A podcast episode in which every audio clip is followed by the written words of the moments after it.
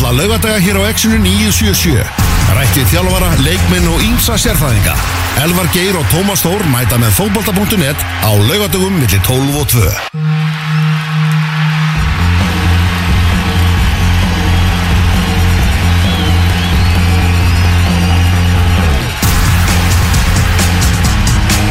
Já, komið þið sæl og blessuð, það er útastátturinn fókbalti.net sem helsar laugadaginn 24. oktober og við erum hérna tveir strákarnir, Elvar Geir og Tómas Þór Kvorgur okkar með í síðasta þætti, þú upptekinn í elska boltanum og, og ég eins og bara flestir í þessu landi í sóttkví. Já, þá erum við báðið búin að fara sókví Þá erum við báði búin að fara í sóttkví og þátturinn er búin að fara í sóttkví og ég veit ekki hvað og hvað en áfram, áfram siglu við.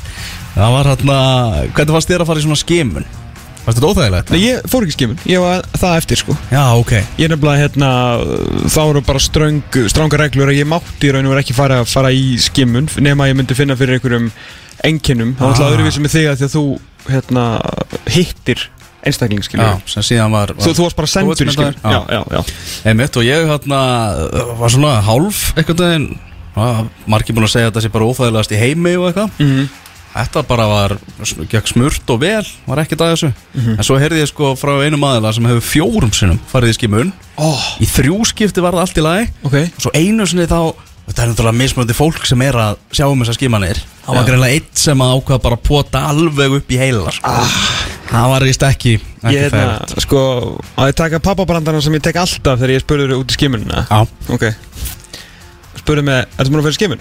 Eru hvernig er það Tómas? Ertu búin að fara í skimun? Nei, ég er nefnilega svo hrættu við þetta sko Ég er svo hrættur um að þeir poti of langt upp í heila Og það verði bara svona einhver, og hann íti á svona mjúkan blett Og ég byrja bara að halda með val Já, menn verða að vera Já, léttir þessi svona persónleika breyting sko En geta móti valni og bara þú veist sem vikingur skilur Já, er ég aðþráttur að það sé hérna óþægilega mörg uh, smitagreinast í gær og svona þá ætlum við að reyna að halda léttleikunum gangandi hérna í þessu þætti vera, já, já, já. vera jákvæður og feskir og uh, til þess að halda jákvæðin á lofti þá verður Lógi Ólafsson með okkur hérna á eftir. One line logi sko. Já, það er aldrei auðvitað að hann bjóð upp á einhverja sögur og, og ætlum svona aðeins að, að, að um, ræða við hann bara um fótboltan almennt komum kannski jafnvel á landsliðinu en það verður aðalega bara endur koma hans náttúrulega með FA og þetta tímabil, þetta stórskrítna tímabil. Já, ég vil hvort að hann sé allir bara að vera áfram Hann vil segja okkur eitthvað þetta er búið að vera að eh, orða Ég Davíð Þó Viðarsson við Ég veit ekki hvort maður er að segja hans starf Það er að búin að orða Davíð við starfið hans Eiðs Og Eið við starfið hans Loga Svona með hvernig hýjarkið Já. átt að vera uppalega hjá FH að Eyður verði aðalþjálfara næsta ári Já. og Davíð Þór aðstór Já Já, Þannig að það verður hérna áhugavert að við fáum eitthvað út úr, út úr stórfun okkar loga Ólasinni með það. Enski boltin er byrjar að eh, rúlla þessa helgina, áttaleikir í, eh, nei, sjöleikir í beinni þessa helgina, tverjum mándaginn. Vestham er yfir gegn Manchester City. Eh, Manchester City hefur gengið ekki bara að stegunum vísum á London-vellinum undanferðin ár, heldur hafa er unnið svona meðaltali, held ég, svona ángríns 5-0. Já. En Mikael Antonio kom uh, Vestham yfir á uh, bara snemma leiks, snemma leiks átjöndu mínútu, þannig að þeir leiða uh, 1-0 og það var náttúrulega allir búin að dæma Vestham döið og grafna eftir tap gegn Newcastle í fyrstu umfyrinni og svo áttuðu náttúrulega eitthvað ævintýrasta leikjaprógram sem menn hafa séð, það voru bara lið sem endur held í topp 7 á síðustu leiktíð, þeir eru búin að vera algjörlega frábæri, voru búin að vinna, þriði sigur er röð Nei, ekki náðu jafntöfli fyrir ekki, unnu þarna bæði, unnu tvo, tvo leikir röð, tóku sem jafntöfli gegn Tottenham, ævintýrlegt jafntöfli og eru núna 1-0 yfir gegn Manchester eh, City. Mikil, sagði ég söguna, þarna bransasöguna Mikael Antonio og, og vítabónusnum um daginn, eða? Já, Ég var búinn að segja hana. veist Ok, bara- ok, ok. veit ekki hvort þú hefur sagt hann í þættinu sant?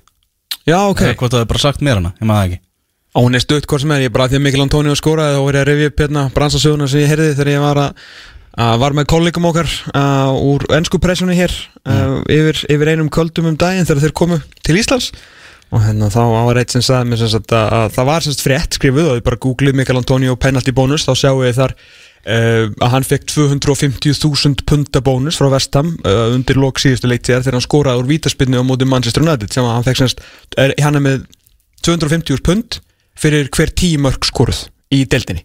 Og þetta var tíunda markið og svo fekk hann 250.000 pund en þeir sem eru náttúrulega mjög fróðir um mennska úrastildina hugsa núna býtu hans ekki, er ekki Mark Noble vítaskitta Vestham? Jú, jú, það er alveg rétt en Mark Noble bara náttúrulega náði boltan og þeir voru náttúrulega búin að ræða þetta félagarnir og svo bara leita hann á hann í miðurleik 25 spönd Vilagreiði hann fekk 10 frá staðis og bara að menna Mikkel Antonio fekk 250 stinn á reyningin þá fekk Mark Noble fyrirliðin 25 spönd fyrir þetta sko.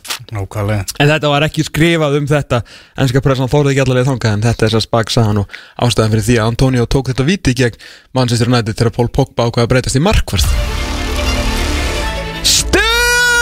Við Maður verðum að henda stefnu í gang. Það er bara algjörlega nöðsilegt Því að það er Gunnar Bergson og Birgir Sveinsson Þeir eru búinir að, að teikna. Þeir eru búin að teikna upp hvernig þeir ætla að klára Íslandsmótið í fótbolta. Nú þurfum bara að vonast til þess að uh, Þórólfur gefi grænt ljós uh, Farið að ráðum hérna uh, Hvað var þetta ekki yfirlæknir Gungudeldar COVID? Já, vikingurinn Já, sem að segja það bara spilið fótbolta, ég meina það er ekkert smitt í, leikjum. Var sem svo var ef eins og það að það verði áhorvendur það verði stefnur held ég lítið í það. Ég horfði á hérna Quakes þáttinn mm. um, á þriðudaginn um, um bara COVID almennt. Mm og þar er hún hérna ah, nú má maður aldrei gleyma nafninu á konum en ég er búinn að gleyma því. Hún hérna frábær kona. Á, já, ég bara manni hvað hann heitir. Svo sem að er hérna eina af þeim er, sem er yfir spálíkannu hjá, Ok. sem að gaggrindi harlega núna fyrir einhverjum dögum eða vikum síðan að landamærin hefur opnist og Mm. svakalega klár. Og hún sagði að það er ekki áhörundur hér. Hún var, var spurður út í, spurð út í þetta kaplegi og sagði að þetta svona gæti fara að detta inn en hún sér ekki áhörundur í allan í einhverju fjölda, þú veist ekki einu svona 500 manns bara næsta árið sko.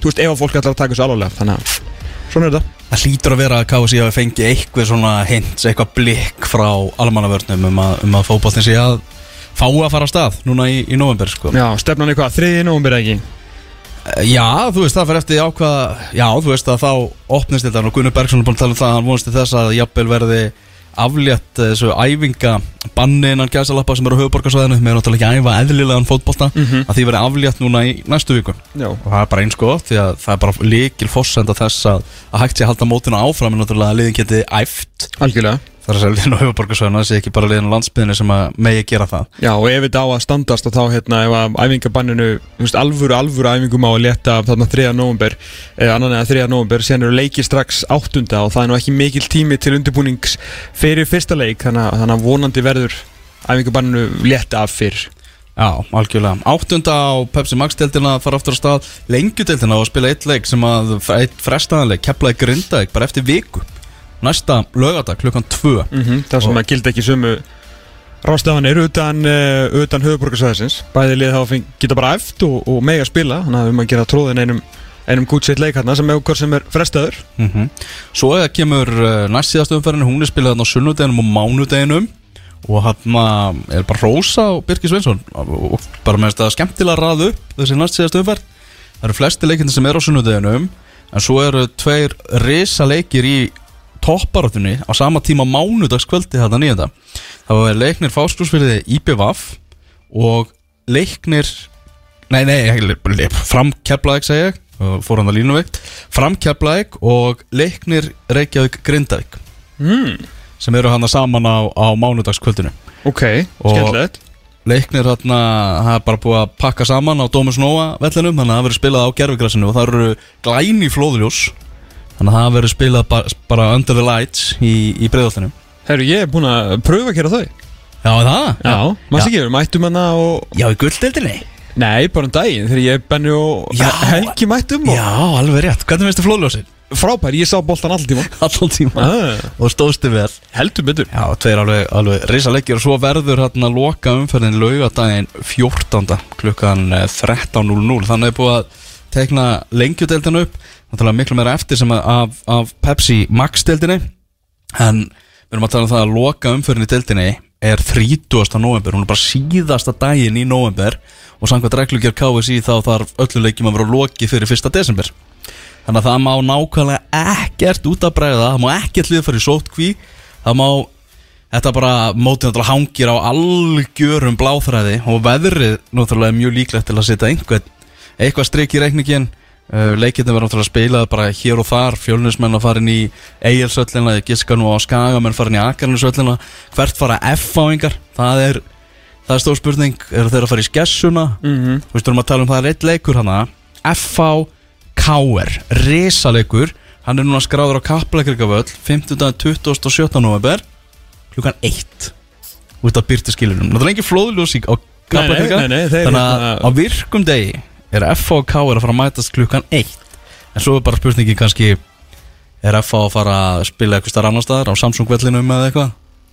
Þá að hægt að spila hann um kvöldið sko Sko það skiptir kannski ekki öllu máli e, Sko ef að e, þessir e, stórkostlu vallarverðir og vallarstjórar og, og grasfræðingar F-fáinga sem að okkur hefur nú verið sagt hér undanferðin ára séu á, á bara þeir bestu í, bransanum og þess vegna viljið þeir bara gras og, og engin fljóðlós frekar en flóðlós og hérna gerugras og það er allt, allt gott og vel. Þannig að nú fáum við kannski að sjá virkilega hversu, hversu öflugir þeir eru. En þeir þurfa náttúrulega mögulega að vera bara kraftaverkamenn, tauramenn skilur við bara búttar sko, bara ég veit ekki hvað til þess að alltaf spila á grasi undir lok november á Íslandi sko. þannig að það er mjög erfitt að sjá það gerast því að ég meina, við erum alveg varið við nætufrost sko. mm -hmm. Þetta, þetta á ekki að vera hægt og það er, er það ekki hiti í með það? Nei, Nei Þannig að raun og verið er alveg ótrúlegt hversu góður völlurinn er með Já. allt og allt og ótrúlega vel hirtur ég held allavega að það sé ekki hitti Þannig að hérna Já, en þú veist að að sko þeir eru náttúrulega er ekkert að keppast á því að fá okkur áhörundur á völlin Þú veist, ef að það væri áhörundur leiðir þá myndur vantilega að fá lánaðan einhvern góðan völl með fljóðljósum til að geta pakkað ykkur fólk inn því þetta er náttúrulega resastór leikur. En þegar það er engin áhörundur hvort sem er leikmenn vita að þeir eru vantilega að fara að taka sér þeir sem eru í vinnu og skóla frí þennan daginn til þess að spila þennan leik þá vilja vantilega bara spila hana heimaðalli ef það er hægt. Mhm. Veist það,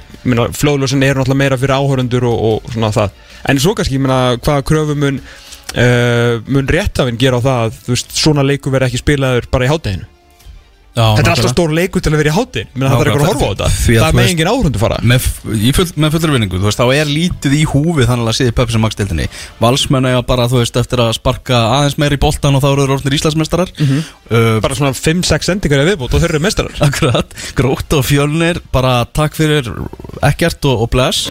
Og hérna og takk fyrir, takk fyrir komuna já, svo er þetta bara baráttan um sko Evrópusættin og þar er þessi leikur náttúrulega risa stór Einmitt. F-fáingar sem stöndur í öðru sætti með 36 stig K-ringar í 5. sætti með 28 stig og svo náttúrulega líka spurningi bara nú er þetta svona til að rifja þetta upp fyrir fólki þá er F á í öðru sætti, breyðabliki í þriðja stjarnan í fjórða, K er í 5. fylgir í sjötta þetta eru lið sem er að berjast um Evrópusætti og svo vitum við ekkert, er fjóruða sætið í deild jafnvel að fara að gefa Evrópusæti vegna þess að KSI er ekkert búið ákveða og veit ekkert hvað þeir ætla að gera með byggarkeppnina og samkvæmt reglugjörn er það þannig að ef byggarkeppnin er ekki kláruð þá er það fjóruða sætið sem er bara garanterað Evrópusæti. Mhm. þannig að það er þessi, þessi reglugjörn sem að gera það verkum að ég og erfitt með að sjá að byggarkeppnin verði kláruð. Hún kemst ekki fyrir í prógraminu núna áður en að desember rennur upp og sko, ok, hann sagði við mig Valgeir hérna að mótanendar allt er, allt er þess að reglugerði mannana verk og allt hannig en það er erfitt að sjá þegar KSI samþykji reglugerð þetta skal gerast ef að við lendum í vandræðum út af COVID og farið síðan á móti eigin reglugerð sko. Ég, það er eiginlega bara ekki það á ekki að vera hægt skilur, ok, þess að þú segir það er hérna, þetta eru 12 dagar eða svo sem að liðin hafa eftir landslíkjafríði til þess að, til að klára, klára móti og það er búið að teikna það bara ágætlega upp. Mm -hmm. gleymið því ekki að annar leikur í þessari Európa-baratu er náttúrulega stjarnan káir leikur sem að er inni, bæði þessi liða 5 leiki eftir og meðan önnur eiga 4 leiki eftir. Og þessi leiki verða að spila þér inn í landslíkjafríðinu, þannig að káir þar komið fjóra leiki sem sagt eftir að landsleikjafríðið byrjar, 5 í heldina stjarnan sumuleiðis þarna með, með þessa fjóruleiki og þess, hérna, og Káur á síðan byggarinn eftir. Þannig að þú veist, á að fara að bæta við eru þeir að fara að spila sjö leiki frá og með 8. november þú veist, maður bara sér það ekki einhvern veginn alveg gerast og þá kemur þetta, þú veist, hvenar á að spila byggarinn uh, Samkvæmt mínum heimildum Mm. þá lagði bara innan úr kreðsum fútboltans var á stúfónum búin að vera svolítið á stúfónum Já, undan þann dag Mótanend Kási laði til við stjórn Kási að byggjarkeppnin er blásin af til vara að hún er í spilusetna uh, en málið er eins og þú segir að reglugerðin núna mm. gildir yfir öll mót Knarsbyrnum sambands Íslands Mm -hmm. og það skal slaufað 1. desember uh, sko ef að það á að sko það þarf að gera nýja það þarf náttúrulega að gera reglugerð til að móti geti klárast. Og hún var gerð, það er reglugerð sem við erum að tala, tala um núna sko. Uh, stjórn KSI uh, hefur náttúrulega sjálfsögðu sem stjórn knaspinu samansins, hefur heimil til þess að gera nýja reglugerð uh, sem væri þá um byggarinn Mm -hmm. en þá er hún náttúrulega að fara upp á móti fyrirmyndandi reglugerðinni og það skapar náttúrulega bara grundvöld til að kæra við sáum að káringarnir sögðu bara flatt át núna í vikunni ef þetta hefði farið einhvern öðru sér þá hefur þeir bara kært Já, já, þeir eru að segja það með þess að líka ef að mótið hættir fyrir þú veist, ef að bara Þórólu segir ekki nei Mhm. það segir ekki góð, segja ég að, og, og mótið verður klára bara þegar það, að þú veist verður slaufað af Mhm. vegna þess að það er ekki hægt að klára fyrir 1. desember þá munum þau líka gera eitthvað sko Nákvæmlega og þetta er náttúrulega sko ef að byggarinn það verður, ef, segjum að þú veist reglugerinn núna er fyrsti des. Ef að stjarnan er síðan fjórðarsætinu þá eru þeir á leiðin í Evrópu og við vitum að stjarnan er lið sem þarf að fá Evrópu og Evrópu peninga eins og þetta öll lið í þessu fræðilega árfyrir en þeir á svo sem líka verið bara heiðarlega með það hvernig staðan er hjá þeim og bara flottir þar. Um, Þannig að, eins og ég segi, það þarf að gera nýja reglugerð gegn hinni reglugerinni og þá er náttúrulega heldur betur komið grundvöllur uh, til að, til að uh, bara challengea og kæra þetta sko. Þannig að þú veist þessi þú veist þessi vandamál er ekkit búinn bara því að það er búið að reyna að blása fótboltan aftur á sko. Þú veist hagsmuna félagana og sína eigin hagsmuna hjá þeim félagum sem eru, í þessari deild og hafa eitthvað um að keppa og eftir að sækja. Þú veist, menn eru bara að hugsa um sig eðlilega, menn eru bara sem eru að reyna að bjarga sínum félagum og sér það að IPVF er náttúrulega í undanúrslutum í byggarnum en á staðinu núna þeir eru bara, hér um byrjum búin að pakka saman. Menn að Bjarni Ólafur Eiríksson búin að leika sem síðasta leik fyrir félagi, búin að gefa það út.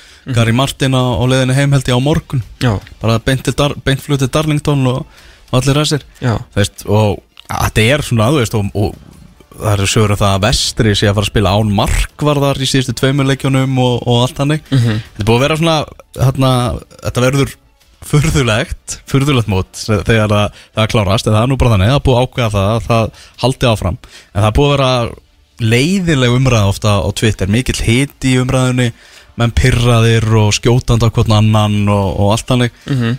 þú veist, þetta er ekki bara klift og skori, það er alveg rök í báðar áttir, það er rök fyrir því að, að reyna allt til að klára mótið meðal annars út af þessari dagsetningu 1. desember og allt þannig, en svo eru líka alveg rök í hináttina sko, það, veist, en það umræðan er svolítið eins og bara þetta er bara 100% rétt, mm hinn eru fávitar eða aumingjar, a- Já, a- þann- a- að vera ekki með, með þessa skoðan Ég, það er náttúrulega sko leiðurslagurinn sem að íslenska fótbolti er alltaf í við í sjálfan sig, skilur við ah. að það veist, ef það kemur upp eitthvað deiluefni þá er náttúrulega enginn tilbúin að hlusta á hvern annan. Að sjálfsögðu, sko, okkur ber sem knasputnu reyfing að reyna að spila fótboltaleikina ef það er hægt veist, á, á, í grunninn náttúrulega erum við alltaf að að kalla eftir bara heiðarleika og sanginni í íþróttum og náttúrulega einn ein mesti heiðarleikin og einn mesta sanginnin í íþróttum og hvað þá fótbolta, ef því við erum að tala um hann er náttúrulega að spila mótið.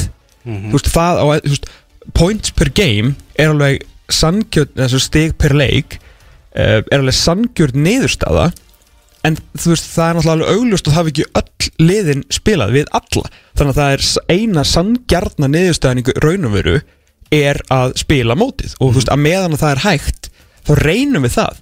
Þú veist, við, sko, við þurfum aðeins að róa okkur okkur standandi lófatæki fyrir KSI að alltaf klára þetta.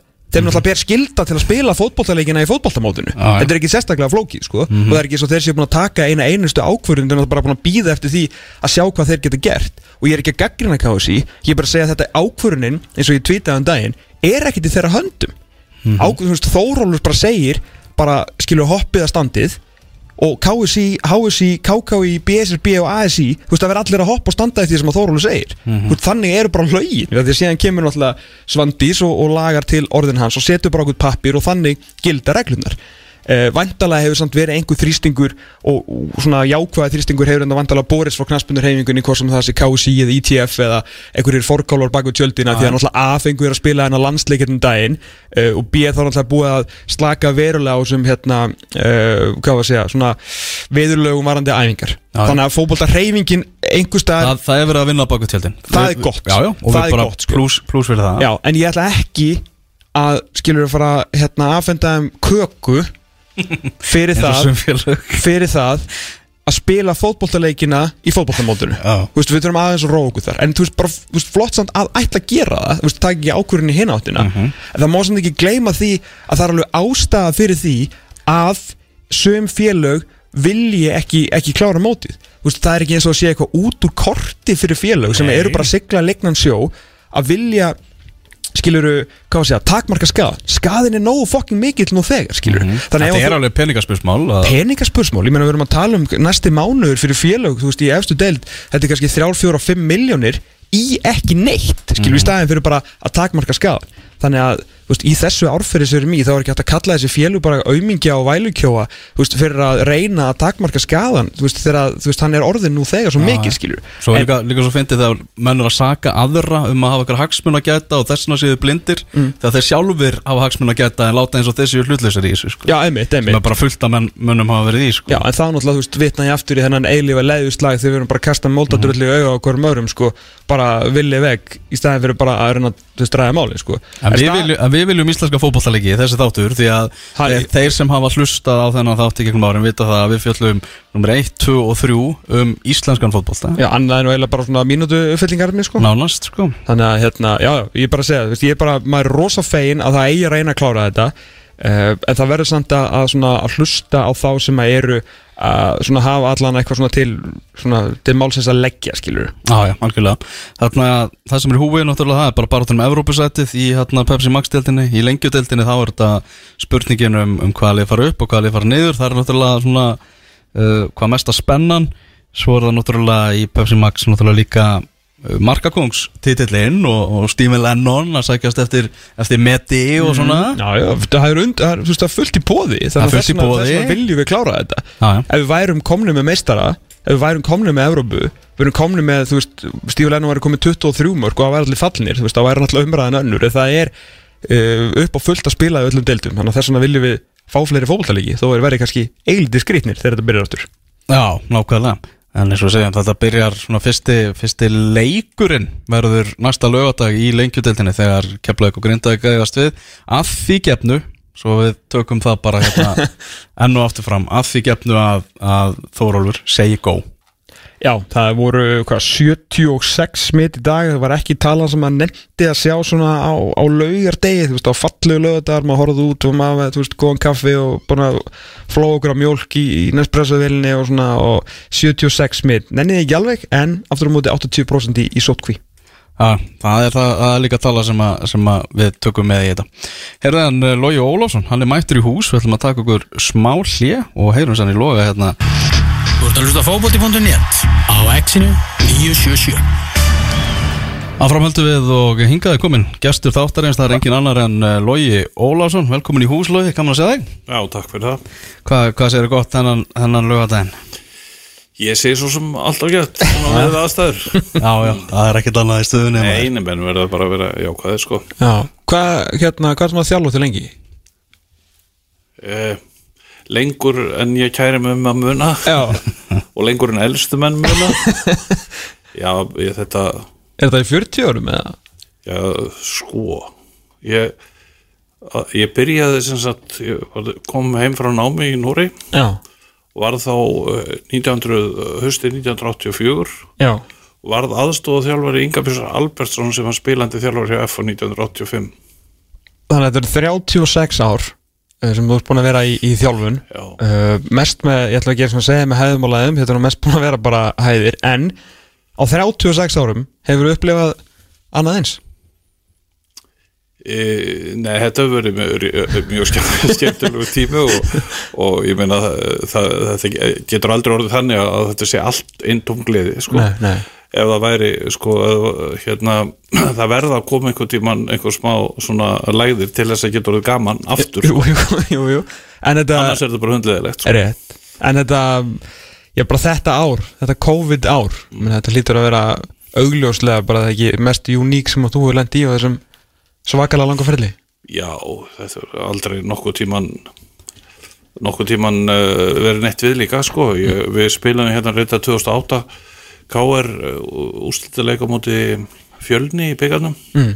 Og þá þurfti að reyðja snjóavellin jú, jú og á þess að ég ætla nokkuð að fara að rifja upp um feril þá spilaði ég úrsl, úrslitaleg í byggarkjöfni 1972 að með minnir á móti uh, Vestbannum á Melavelli þar sem að það var alltaf ófært úr eigum og það var varðskipið Þór sem fór að náði þá til þess að til þess að vera hægt að klára leikinn sko. Já, þannig að hann búið að segja að þú hefur séð ímislegt Já, ímsafjörn og byggði svo stundum er sagt.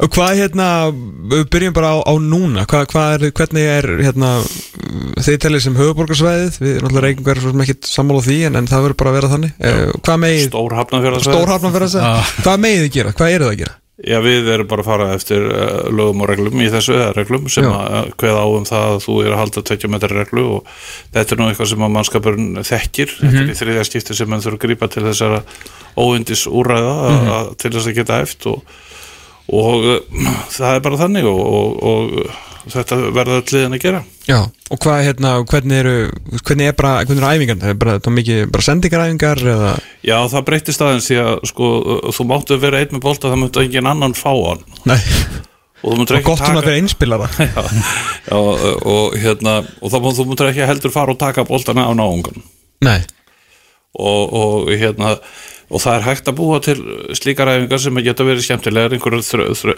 þrautir og, og knattrak og ýmislegt svona og láta boltan lenda á ákveðnu stöðum og svo framvegs Já. þetta er kannski gaman svona tvisvar. Já, ég skilu svo er þetta bara, menn vilja spila fótbolta og þá, það er bara orðið hundliðilegt sko. Já. Hvernig, hvernig er að halda svo hérna svona eldri hundunum bara við, við efnið, ég meina ég svo sem vinnaði svona með hérna þínum manni eða smára og hann alltaf ég spá bara að spura hann um daginn og hann viðkendi að væri þetta erfitt að bara, ekkit bara eldri mönnum, bara halda mönnum við efnið þegar að fara í stopp í þriðja sinn, þetta er náttúrulega eins og Geir Þorstensson sagði, þetta er ekki vélar. Nei. Sko, óvissan er náttúrulega leiðilegust í þessu og þá verður menn svolítið niður brotnið þegar þeir eru að fá send hlaupaprókurum heim, hvað er að gera og, og ungu strákarnir þú veist, tóku með sér bolta og, og, og svo bara það er alveg óhætt að segja það að, að ef þú keirir um Altanes og Garðabæi og Hafnafjörð og svona sko, þá, þá eru bara menn að leika sér í fótbolta sko.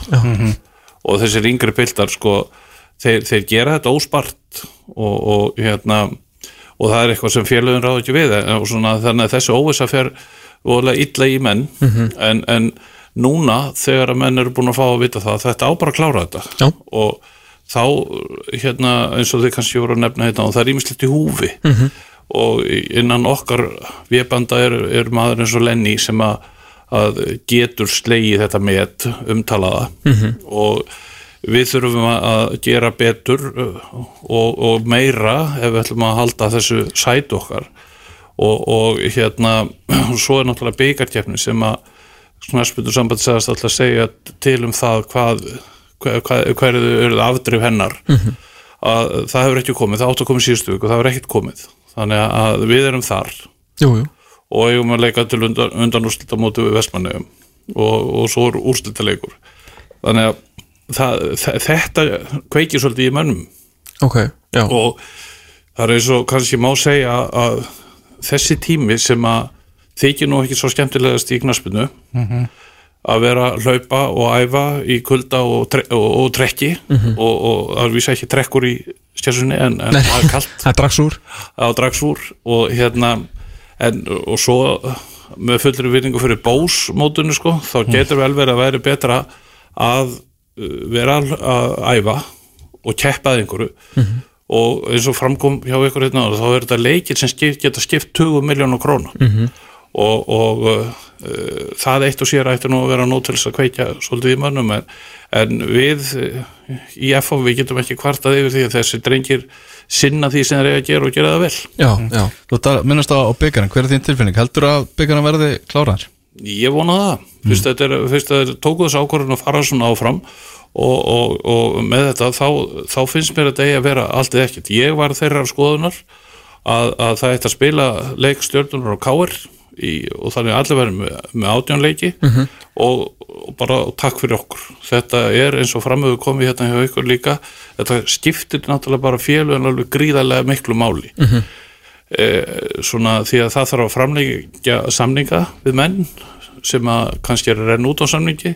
Þetta getur kostað fullt af penningum og, og hérna e, og svo, svo, svo hérna er, er, er náttúrulega hérna ímislegt annað sem kemur upp í þessu sambandi líka eins og bara með það að, að, að það, það eh, þarf að, að, að hérna það kom einhver áhörundur og það er enga tekjur á móti þessu, þessu tapi. En, en hérna en á móti kemur kannski að það, þeir, það verða að forðast einhver málaferli og, en mér finnst og hef nú spurt lögspekinga því hvort að KSI hafi ekki býstna uh, víða og, og trygga heimild til þess að gera þetta. Og, og og hérna en þeir eru sjálfsagt að hugsa líka um það að, að þar sem þetta hefur verið gert í Evrópu ég held að logi allt í einhverjum málaferlum og deilum út af því. Þannig að og það er engin fordæmi ennþá komin þetta er alltaf ennþá bara allt fyrir dómstólum sko. Já, en, en ég held að, að samt sko, þetta var það sem að voru að hugsa og, og eins og menn vita þá í hvað stöðu við erum þá, er- þá var kannski pínu óskykja í þessu líka. Já. en ég er býstna fegin því að það er búið að taka þessu ákvörðu bara að klára þetta og, og, og, og það er búið að eyða þessu róvissu en, en það eru samt sem að róvissu þætti framöndan eins og bara varðandi hvað, hvað, með, hvað gerist ef að eitt lifur er sendt í sótkví Já, já, já, algjörlega, þetta er náttúrulega langt frá að vera eitthvað klift og skorið sko. að því að síðan náttúrulega eins og við vorum að minnast á áðan að hérna, ef að uh, byggar að vera spilaður í, í eftir 1. desember Mm. og þá er bara liðið sem endar í fjóðarsæti eitthvað sem það er stjarnan eða káir eða eitthvað Mm. mm. þeir eru bara að koma eftir fara bara beint í KSI Já, ég, eins og það er í, í þessu tilviki sem að núna er uppi Káur á tvöfaldan möguleika á því að komast í Európíkju, annars er í gegnum byggarun hins er í gegnum deildina Já, Stjarnan er bara með þennan möguleika þannig að það lið sem að hefur rænt mest af öllum væri Káur já, Já. og, og hérna og það er lögfræðingu formið á knarspund delta Káur eða þú veist það ekki jú ég... og maður sem er alveg til í, í, Já, sko, já. í slægin sko. All, já, allt, allt til í allt sko. já, einmitt, og svo sem líka hvað, pappaslöfræðingur, bróðurslöfræðingur nema Gunni Sprettur bróður hans, hann ætlaði bara að vera jarfræðingur eða eitthvað hvað er, er einhvern þetta? Gunni Chris er held ég bara að þjálfa á Káur, eitthvað yngur flokk Já, ok, ok. Áfljótur Heyrðu, En þessi leik er- En þessi leikur hérna sem við vorum að ræða þess áðan F og K sem er trúlega á 50 degi klukkan 1 Mm. á Kaplaglíkavelli Það er ennþá stemt á því að, að hann verið spilaður þar. Já, ég, ég fæ ekki að vita neitt annað frá mínu fólki a, a, a, a, en að og, og varavöllurinn er miðvöllurinn. Frjálfristu völlur þannig að, að þannig er staðin daginn hvað, hvað svo sem verður, það er náttúrulega uh, stjessan hefur verið nefnd oft, oft og títt í þessum sambandi og, og hérna og hann ég veit ekki alveg hvernig þetta endar. Nei, eins og ég myndi svo sem á áðan en bara þetta er það reisastór leikur og hefur svona kannski frá því að frá því að þú beðir þetta F á batteri á sín tíma hefur þetta nú heila orðið að stærsta leik Íslandsmótsins sko svolítið Já, já. og hérna F og K er þannig að ég veit ekki alveg hvað allan ef ég væri hér sem rétt hafi myndi ég nú kannski ekkit endilega vilja hafa hann í hátteginu í skessinu sko, ég myndi vilja sína fólkinu sem að fær ekki að koma að hennar leik sko. Já, þetta er það stórt dæmi sko. En uh, það eru allir með áskrift sko og svo vinna margir heima og Jú, jú, jú, jú, það var eins og það er þetta frábær punktur sko. En, en ég, já, já, svo, svo er svo er náttúrulega þetta eins og hefur komið fram í þessu, það er hvað gera rétthafar ef þessi leiki falla allir niður og, og er ekki á þessum tíma sem er eiga að fara fram. Já, en það nefnilega, það er nefnilega svona fyndið, fyndna takstreita nýjins, sko, alls ekki fyndin, ég veit ekki hvað er notaði dort, að hérna á sama tíma og, og hérna félögin, sum félög, eins og talar um, hefur kannski vilja bara þakka fyrir sig til að takmarka skaðan, sko, að þá, hérna, hefði hvort sem er skaðin komið hinum megin frá, ef það hefði síðan þurft að skila rétt á hann með einhverjum penning, sko, þannig að það er, það er ekki eitt góðu kostur í þessu nána, sko. Nei, nei, það er það ekki. Og, og svo, uh, svo náttúrulega kannski á eftir að nefna bara leikmenn eins og þú sagðir áðan, þetta er ekki bara on-off takkar á þessum mönnum og, og, og spila úti við þessar aðstæður og, og, og vera alltaf að byrja upp og nýtt. Það er það er e- alveg sama hvað hver segir að, að þá, þá skapar þetta ákveðna meðslahættu. Já. Fótbolti er ju þannig að þú getur meðst hvernig sem er en, en, en þetta er, þú, þú ert að tryggjara svolítið meira með þessu. Já, en við erum samt, þú veist, það er samt við erum fegnir að geta verði klárað og þetta verður, þú veist, allir með 22 leiki og þetta er svona, þetta verður sankjönd Já, það verður virkilega gaman á, á Dalvík 8. november Fýtt að koma á Dalvík, að nýtt fristu og svo samverja og Já, veit ekki hvað, já, hvað Dalvík er í sko. Fallið á, fallið á þessum að- ástíma Fyrst í dagur og fjall niður, kannski maður fáið kannski súpu eða eitthvað. Já, það hlýtur að nóg til, heilu pottanir Það getur verið, maður hefur heyrt einhverja þjálfara sem er að pæla í því sko líka þegar þetta sagðan klárast og þetta langa og skrýtna tímabil með öllum þessum stoppum er, er búið. Að jafnvel að bara sé bara best að sleppa því að taka þátt í Reykjavík-mótið eða fótbolta.net mótinu eða eitthvað bara því að kannski komið einn svolítið mikill leiði í ansi marga leikmenn Já, ég geti vel tróð því sko, að þetta, þetta kannski gerir það, kannski ef það er eitt gott sem þetta getur gert Mm. er þegar uh, menn eru tilbúinur að spila svona lengi til að klára þetta Mhm. erum við þá ekki og oktober hefur verið góður erum við þá ekki tilbúinur að lengja bara aðeins tíðanbilið Jú, ég meina, þú veist, það alltaf, kemur alltaf eitthvað gott út úr öllu, sko. Já, og, og hérna og til dæmis eins og núna sko, menn hefur bara farið í, í frí uh, sko fyrsta nóvember, mm fyrsta oktober segi, ég. Já. og svo byrja að æfa eftir fyrsta nóf og, og svo er eftir eitthvað fram í uh, desember og bósmót og eitthvað. Og þannig ég hef alltaf verið talsmann þess og menn að segja get ég farið alveg aftur til ásins 2000 þegar ég var með FH að þá hættum við ekki. Við æfiðum fram í miðja nóvember og gáum svo frí sagt, frá miðja nóvember og, og fram yfir áramót. Og, og þannig í staðan fyrir að vera tvískiptaður svona, við æfiðum bara, heldum áfram að æfa og spiluðum bara fótbolta. Og þetta er nú eitthvað sem ég bara notaði til dæmis mörglið í Nóri hafa gert Já. þegar mó- mótið var svona stutt í stittra lagi hjá þeim. Að þá gerðu þetta í staðan fyrir að skipta þessu svona upp og, og uh, kom, virkilega vel út en, en þá er líka bara spurning núna hvort það er ekki að, er ekki að nota tækjafærið og, og lengja þá bara aðeins mótið til þess að, að menn geti gert eitthvað slíkt Ert þú með skoðun á því? Hvernig myndir þú, myndir þú vilja láta lengja þetta? Myndir þú vilja fjölga liðum, þreifald umferð eða, eða eitthvað? sko eh, margir vilja nú bara uh, fækka og, og þreiföld umferð og svona en, en ég, ég held að það sé svona betra samt sem áður bara að fjölga um tvöliði tildinni og, og uh, það er þá komin einhver smá samkeppni þetta niðri ef, ef, ef, menn vil, ef getumunurinn er mjög mikill að, að þá komið allavega samkeppnum villi einhverja fjóra, fimm, sex liða sko, í staðan fyrir núna hefur þetta ekki verið neitt. Og það koma alltaf svoleiðis mót inn en það koma líka félug upp eins og Akranis sem að bara kemur upp á deildinu og, og heldur sér deildinu og, og þannig að þetta sé ekki alltaf sömu liðin sem er að ko- koma að fara upp og niður. Þetta líka gerir það að verkum að, að ungi, sko, hver leikur hefur skipt svo rosalega miklu máli að þú tekur enga áhættu.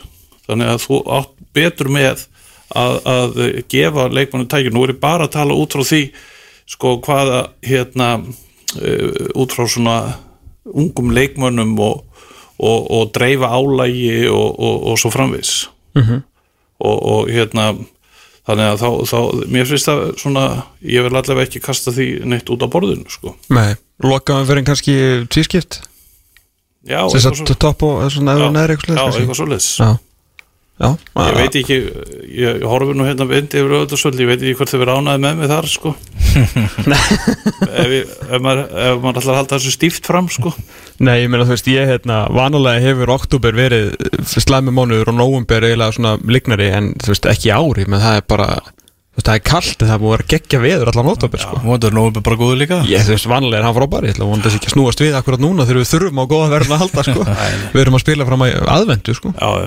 að Nákvæmlega. Og kveikjar fyrsta kertinu bara. Akkurat. Þeir eru þarna logi endur koma þín í, í þjálfun. Að þú mætir allt inn og, tekur þarna við, við FH Já. Þú far fyrst símtalið. Hver var svona fyrstu, fyrsta sem kom upp í hugan hér? uh, Í fyrsta leið var þetta SMS Ok. Það sem ég beðin um að heita menn. Já. bara heita mennina. Hitta menn. Og hérna og uh, þannig að ég ég var svo sem ekkert mikið að hugsa um hvað var að gerast en heldur bara mætti hana og, og þá kom þetta út úr úrtum og, og hérna að bara ég hef sagt áður að ég þurfti ekki að hugsa mig lengjum þegar þetta félag kom og, og, og ég var beðin um þetta og, með þessu manni þá, þá var það bara þá var bara góð fóritt sko Hvernig hefur sambandi ykkar, veist, eh, áttu þeir í ykkur sambandi fyrir þetta, nefnum bara, veist, að spjalla þeirri hitust?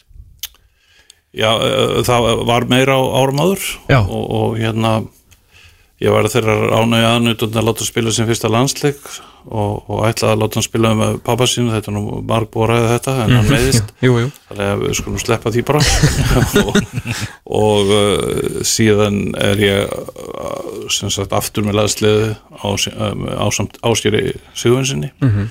og þá gerum við hann að fyrirlega leysins og, og, og hérna svo eigum við uh, saman kompani sem heitir Knarsbyrnu Akademi Íslands. Mm. þannig að okkar vegir hafa leiðið saman á, á marganótt og, Já, og það var alltaf að fara vel á með okkur, með okkur og, og hérna, þannig að þetta var aldrei spurning um mínum huga og, og þegar þetta kom upp og, og við vorum látnir mæta báðir og, og, og hérna og við sáum enga, en, enga annmark á því að geta unni saman og það hefur bara hefur gert, við þurfum ekki að við hugsaum þetta líkt og við þurfum ekki að tala mikið saman og Nei, ok. við bara getum hort á hvern annan og erum að hugsa það sama og það, það er bara gengið rosalega vel og, og, og úrslitin hafa fyllt á eftir. Emitt Ég hérna, ma maður gekk aðeins á uh, mennina sem mm. heitir, bara til að fá úr því skórið um hérna maður vil alltaf á endanum vita hver er aðal og undir skilur og, og þráttu þetta kom einhvern veginn út eins og eigðu verið þjálfari ef þú ekki, það var þannig mér sagt að ábyrðin lægi á þínum herðum, að reynslum meiri herðunum, en það hefur ekki verið þannig, svo eigum að segja svona út á við í mótinu, eða svona ertu búin að láta svona ertu svolítið að senda bara eið í, í svona að fronta þetta meira, því að hann, hans er kannski framtíðin með fullir virðingu. Já, sko ég sagði það strax í upphafi að, að hann myndi, sko í samstarfi með myndi hann fóða að njóta sín og, og, og, og taka það skýrt fram. Ég er ekki að fara að kenna eða smára guðansinn neitt. Nei. hann, hann kann þetta. Og, og hérna en, en, en hérna og uh, það er bara þetta tækifæri sem hann fær til að æfa sig. Já. með stuðningi og, og, og þetta hef ég mínar hugmyndir og, og, og, og við ræðum saman um það og svona og ábyrðin hefur verið algjörlega okkur báðum. Það, er, það er alveg ljóst. Og, og, og, og hérna en, en ég er náttúrulega búin að fara þú talaður um að þetta verið 36 ár og ég er búin að svara þessi spurningu hverju þín fyrstu viðbröð til leikin ég er búin að svara henni í 36 ár sko. Þetta er samt bara svona 5 ára gömur spurning sko. Ég veit ekki hvaðan hún kom en, en hún kom allt í henni Nei, en, þannig að mér finnst mjög eðlilegt að menn vilji frekar tala við hann. Já. og fyrir utan að, að það að þá bara vil ég líka sjálfur að, að hann fari og tali. Gott fyrir hann. Já, ég, mjög gott fyrir hann og, og Eidur er náttúrulega bara gríðarlega efnilegur þjálfari. Það er ekki nokkur vaf á því. Og, og, og það er engin með slíka sögu uh, sem leikmaður. Og hérna ég tel að Eidur er bara bjarta framtíð fyrir sem þjálfari. Hefur komið þér uh, jafnvel aðeins óvart hversu maður har heyrt mjög góða hluti frá svona mönnum sem er í kring? Hefur komið svona að þetta er ekki, það er ekki það sama þó þú sért frábæri fótbolta og þarftu samt að vera þú veist, skipulaður, búið til góður æfingar þú þarft að hvetja menn, þú veist, þú þarft að vera góður á mörgum vikstöðum eins og þú veist eftir jú, 10-36 ár. Hefur jafnvel komið þér á óvart hversu öflugur hann er svona í sinu fyrsta aðþjálfur ekki Í, í raunin ekki, ég gerði mér alveg fulla grein fyrir þessu, hann var fyrirlið landsleysins og, og hérna bara hvernig hann tala við fólk og hvernig hann talar á æfingu, hvernig hann uh, hvernig hann tjáur sig í, í klefanum og svona, þannig að að ég var aldrei í vafin það að ljón skynsami náingi sko, og hérna og bara, en það er alveg rétt sem hún segir, það er ekkit sjálfgefið að menn sem hafa verið góður í fótbolta verði endilega góði þjálfur, það, er, það er ekki sjálfgefið og það eru mörg dæmi um að svo er ekki.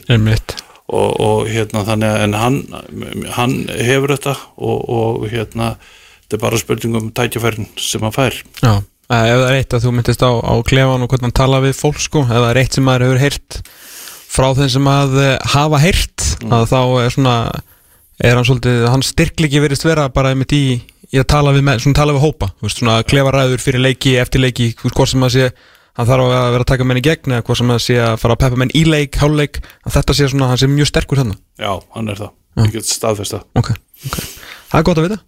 Mjög gott að vita Þarna, en þetta verkefni hjá þér er náttúrulega ránir út tímabilið og þannig þegar fartan að staða eitthvað svona kjáttasögur jafnvel um það að, að þú látir gott heita að eftir, eftir þetta tímabil og, og möguleikir sé á því að eyður haldi áfram eða, eða hvernig, hvernig er það? Er þetta einhver féluleikur? Hvernig er svona þinn hugur í þessu? já, sko, minn hefur bara jákvæður og, og hérna eins og alltaf já, já. og hérna og ég, það, það verður bara tekið svo ákvörðu sem er bestur í félagið og, og hérna og en bara svo það er ekki hægt að svara þessu öðru eins og það hannig að það hefur ekkert verið ákveðið enn og, og menn eru bara að velta fyrir sér hlutunum og við höfum ákveðið það að, að bara klára þetta mót. Það er engin ástæð, það er engin að flýta sér það er engin ástæð til þess að anna neinu. Og, og, og hérna hann er að menn, það, það eru bara mennirnir sem við töluðum um, þeir eru bara að tala saman. Já. og, og, og hérna þetta er uh, og menn eru bara ánað með hvernig það gengið og, og svona, svo verða menn náttúrulega líka að hugsa til framtíðar. En langar þig að vera áfram? Já, sko, eins og ég segi, ég, mér er þótt þetta rosalega gaman, ég var sem sagt hættur eða sem sagt var ekki að sækjast eftir neittinn þjálfun og, og hérna en svo þegar þetta kemur upp og ég hef bara rifist með og, og, og hérna og, og, og það er bara gaman að vera kringum þetta og, og taka þátt í þessu. En, en uh, hvað svo sem þetta byggist náttúrulega allt á samtölum.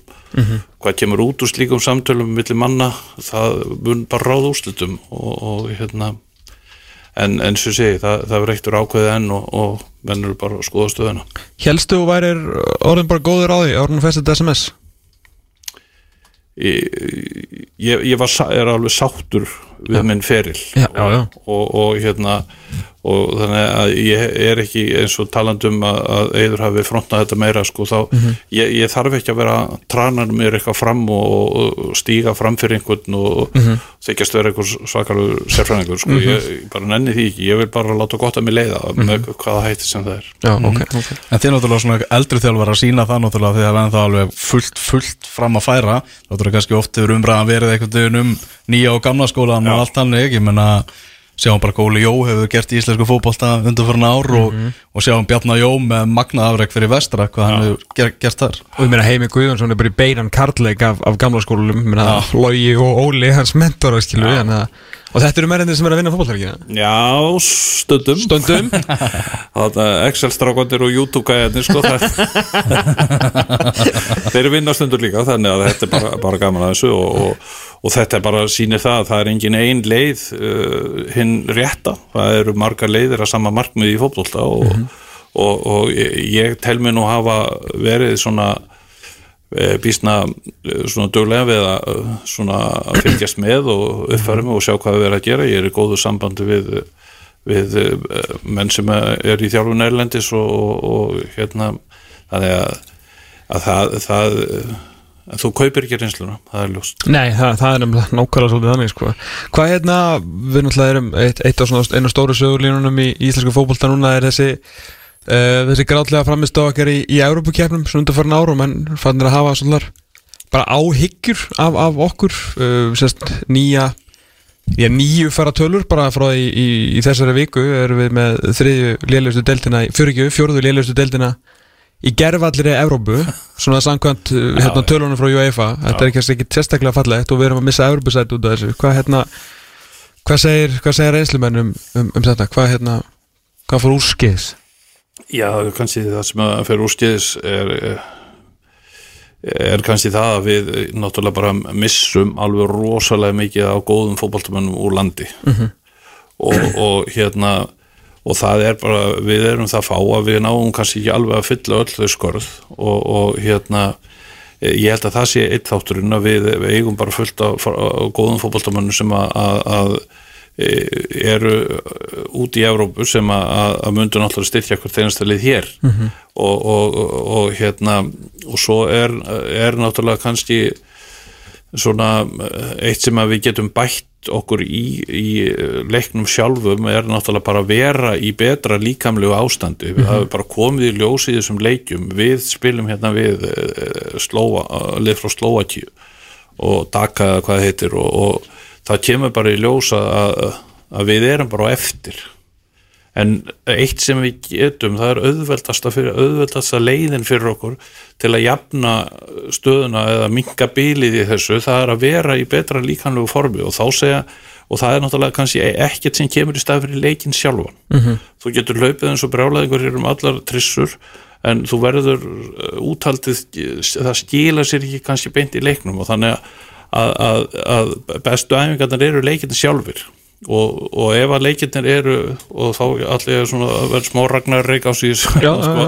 að að ef við ætlum fjölgudeldinni að þá erum við að búa kannski til fleiri leikir sem að skipta ekki nógu miklu máli. Mhm. og, og, og þetta er svolítið þetta er svolítið erfitt að eiga við að, að, að leikirnir við höfum séð þetta víða. Við sjáum bara, þú veist, skosklið Celtic og, og Rangers þeir eru alltaf rosalega góðir heima og svo geta þær aldrei neitt í, Já. og þá er sagt, ég meina það er vegna þess að deildin er svo léleg.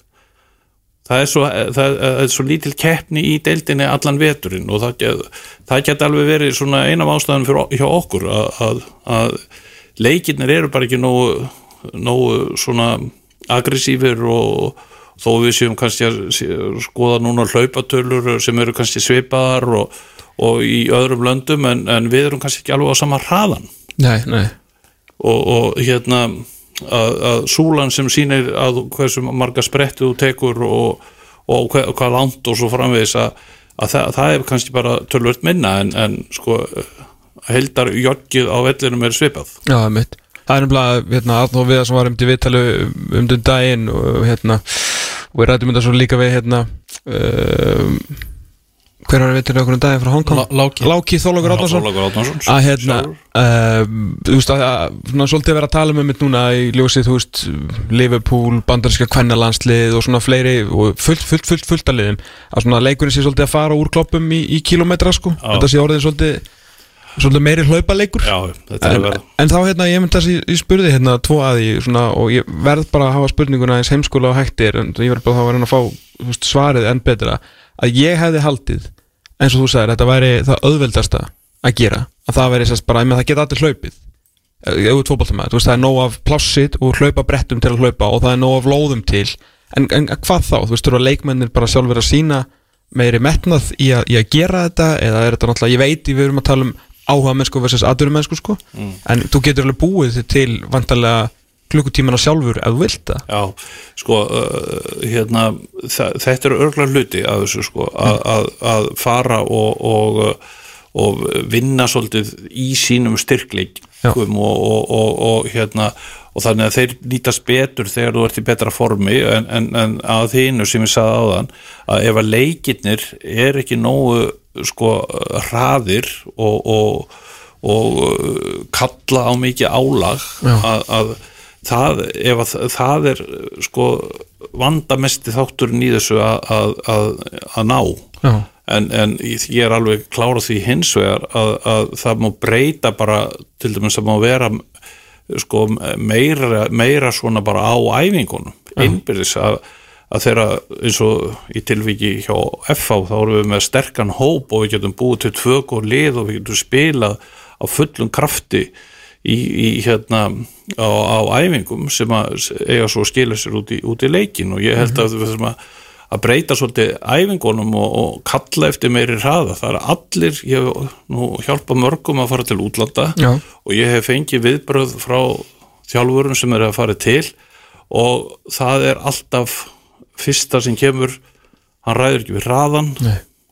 og svo er það taktískur skilningur hann er bara ekki nógu góður Nei, það var mitt, var mitt næsta spurning að við höfum oft séð svona jafnvel maskínur úr þessari deild fara til minnst Noregs þar sem þeir eru fannir að æfa oftar og æfa harðar og hraðar og þá lenda menn í meðslum og svo hvernig detta áratu liðinu og, og enda hvernig vera komin aftur heim til Íslands kannski eftir, átjá mánuði bara því að þeir í raun og veru bara lenda á vegum leiður komu mm. og, og eru þá strax lendir í eltingaleik já, já, já. Og, og, og, og það, er eitt og svo það, þetta að, að, að sko þegar menn spila mjög taktíst og þú var ekki vanur því. Þegar hver er að fara út? Jú það er þeir sem eru bestir hér. Og, og, og hvað gera þeir? Þeir taka boltan að fara með hann sjálfur og þurfa aldrei að hlaupa þeir missa hann aldrei, þeir haldur hann bara. Og, og, og svo ætla menn að gera það sama. Ég veit um nokkuð mörg tilvik þar sem að, að menn hafa talið sér verið að standa sér vel. Og, og hérna og, og, og þjálfari tala við já, það, sko, þú ert rosalega góður að gera það sem að þú átt ekki að gera en þú ert mjög lélegur í því sem þú átt að gera. Þannig að, að, að, að og ég hef meiri sé að lendi því að, að fara og setjast niður með leikmanni og þjálfara fyrir, fyrir framann vídeovélina og, og bara svona á þetta að vera. Og, og hérna þannig að ég held að það sem að, að að við þurfum að bæta í þjálfurinn í Íslandi það er tempóið, það er hraðinn á æfingum og það menn þurfa að, að, að, að skilja taktik já. Já, ég meina þetta er bara, langvinn verkefni en ég meina vonandi er allir svona Ég held Tilbúin til í þetta. sko, við erum rosalega góðir hérna í, í sjönda, áttunda, níunda og sjönda og sjötta og fymta og hvað þetta er. Mhm. og svo þegar sko, þetta fer úr, upp í 11 manna bolta að þá þarf að fara að kenna taktik fyrr. Já, Já, og leggja gríðlega áslu á það. Áhugavert Erum það aðeins aftur í hérna, Pepsi Max dildina, Lógi, núna þegar hérna, að ljósta það á að, að, að klára þetta mót að, að rembast í það. Hérna, fyrir þetta mót þá hugsaði ég, þetta verður galopin barátta um Íslandsmeistaratitilin, hérna verður bara margra hesta kapplup sem við erum að fara að horfa upp á. Valsmenn að vinna þetta með algjörum yfirbyrðum, af hverju eru yfirbyrðir Valsmenn svona reikalega miklir, er þetta bara þeir bara svona ógæslega góðir eða, eða vantar eitthvað meira í, í liðin fyrir neðan? Ég held að, breyttin hjá val sé mest og Já. þeir geta, sko, þó þeir hafi ekki þurft að gera það að, að dreifa á launu og, og liðið er bara velþjálfað það er svona, þeir vita hvað er eiga, eiga að gera og þeir eru þeir, það eru erfiðaræfinga það er, hefur hlaupið mikið meiri sér svo mikið að menn hafa kvartað. Og, og hérna því þeir voru í reit og spili hjá Óla Jó sko. Með fullri virðingu fyrir því. Og, og hérna það er vannmetið eh, í fótbolta reytur og spil. Það er bara það var einn ángjötu þjálfari sem að saði við leikmenn sína fyrir hver einu já, strákur í dag þá tökum við reyt, sprett og spil. Og sagði það fyrir hver einu staðingu og þannig að, að, að hérna að e, það er stundum hægt að sleppa sprettunum bara að fara beitt í e, reyt og spil en, en allavega þá er valur þeir eru í góðu líkamlegu ástandi og, og, og það kemur kannski svolítið heima á sama við það sem ég var að segja náðan að, að hérna það, að, það, þar er hópurum breyður þeir æfa mikið og þegar það er verið að spila á æfingum þá eru bara tvö mjög góð lið að mæta hvort öðru. Hvort heldur sem að það er í smerri spili eða tíu mútu tíu eða hvernig sem það er. Það, það er bara alltaf það, móturinn er góður. Já, og, og þannig að, að hvort sem er á, á æfingum eða í, í leikjum og þeir þeir hafa bara náð þessu og, og, og, og hérna á meðan að kannski önnulega hafa ekki kert það. Nei Og heimur alltaf með svona fræg, frægur fyrir mjög hátt tempo og Og hitta á æfingum. og ég meina skipulaguliði sitt vel og, og, og velti fyrir sér mótarjanum og hvað er nú, svo, svo getum við sko séð hinna liðina á söðu, ég meina breyðablík og, og vikingur sem að, að fara svona fram á völlin og spila út frá markmanni og, og, og það er kannski ekki takt að segja annað en að hlaupaform á þessum liðum séu í góðu lægi Nei. og sérstaklega finnst með breyðablík, það er hátt tempo og öllu sem er að gera. Já, og svo geta menn uh, sko velt fyrir sér sko aðferðinni hvort það megi stundum blanda einhverju saman. Já, en, en, en uh, ég ber fulla virðingu fyrir því sem þessi liður að gera og ég hef alltaf haft uh, svona áleita mönnu sem að standa fyrir eitthvað uh, sem er hafa einhverju misjón fyrir. Já, og mér finnst það bara mjög gott. Já, já standa með því og fyrir því sko. já, Já. Og, og ég meina eins og maður segja standa og falla með þessu en, Já, en. En, uh, svona laga verður bara ekki til á, á eins og uh, hendi sér veifað. Nei, þetta er vinna og, og, og, og svo þarf þetta að hafa mannskap til að gera þetta. Nákvæmlega, nákvæmlega. Það held ég. Fyrstu við erum með samt hérna, fyrir um landslýstjálfara náttúrulega í, í settinu, þá verðum við náttúrulega aðeins að ræðum hennan ungverjarleik Kristján Guðmundsson var í þættinum hérna fyrir viku síðan þar sem hann gaf Íslandis 30-40% möguleika á því að leggja ungverja í þessum leik í, í næsta mánuði. Og þessum úrslitaleik um að komast á EM Allstar sem getur enda verið haldið sem bara í einu landi. Já, það er ákveðum að breyða þar Já, eftir að skoða það allt saman. Staðan í heiminum svolítið skrítin en, en hver er þín tilfinning, Lúi? Er tekur undir þetta, 30-40%? ég, ég ætla að segja 45-50 sko. Ok Mér líst betur á það. Og, og því að eh, svona, þetta geta alveg verið bara, þú veist, ef að við náum öllum okkar uh, góðu og, og þessum mönnum sem eru mennur að tala með liðið sér gamalt -hmm. það er ekkert skrítið, þetta er búið að saman síðan 2007 sko. Og þeir eldast eins og annað fólk þessi menn. Og, miður. og, og, og, en bara þegar þe- þessir uh, gaurar koma saman þá eins og til dæmis að móti Rúmeni sko, þá, þá bara þá verður eitthvað til og ég bara hef trú á því að menn drægi það fram í, í, í þessum leik. Og, og ég held þó að, að hérna ungverðar séu svona sterkara lið heldur en rúmenar. Já, já, það, það er svinga á þeim líka Já, og heimavelli og svona, Já, já. að vera ykkur áhörundu líka og svona? Já, ég, eh, en ég, hef, ég myndi álita það sko að, að, ég ætla að bæta við sko, svona 10-15% von á Kristján Guðmundsson. Já, ég, ég fyrir jafnvel lengra með þetta. Ég hérna Já. bara, ég, svo sem ég oft sagt það og tek undir mig loga því að ja, þetta er alltaf byggt á bjart síni mín er byggð á því að svona samt að tjenlið sé hérna nánast allt skiluru, Mm. en ég bara eins og alltaf þegar þessi strákar farin á völlin þessi svona, þetta gamla band Mm. ég bara sé ekki liðið eins og Ungverland með fullir vinningu Þetta er bara svo stöðmenn sko. Þetta er bara þannig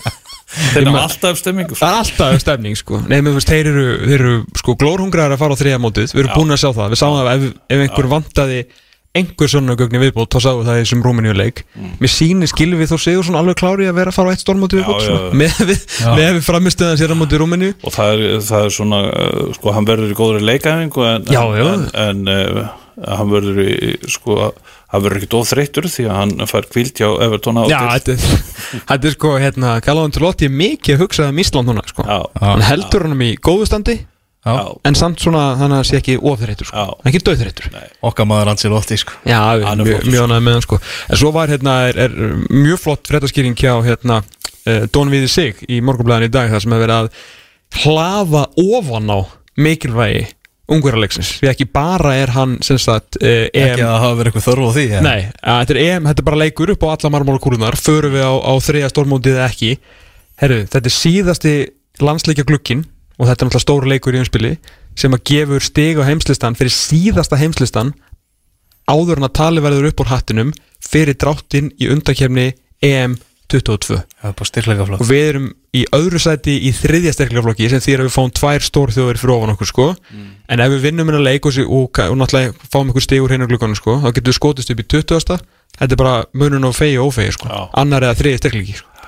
Þannig að þessi glukki og þessaklega þessi leikur huge og þegar ég meina sko eins og árferðið er líka í íslensku uh, hérna, viðskiptarlífi og það kom ekki miklu peningar inn í íþróttafélagin þá og er náttúrulega ennþá þýðingar meira að fá þessar 1100 miljónir hérna inn í dalinn sko. KSI, nei fyrir ekki Gunni Berg sagði alltaf við frettablaðin daginn að hérna, byggist á búist við uppalega við 65 miljón krónar tabi í ár. Mm. nú er Gunni farin að telja upp undir 200 miljónir sko Já, Tap- fór nú 80 miljónir í völlin sem aldrei var notaður. Vissulega, vissulega sko.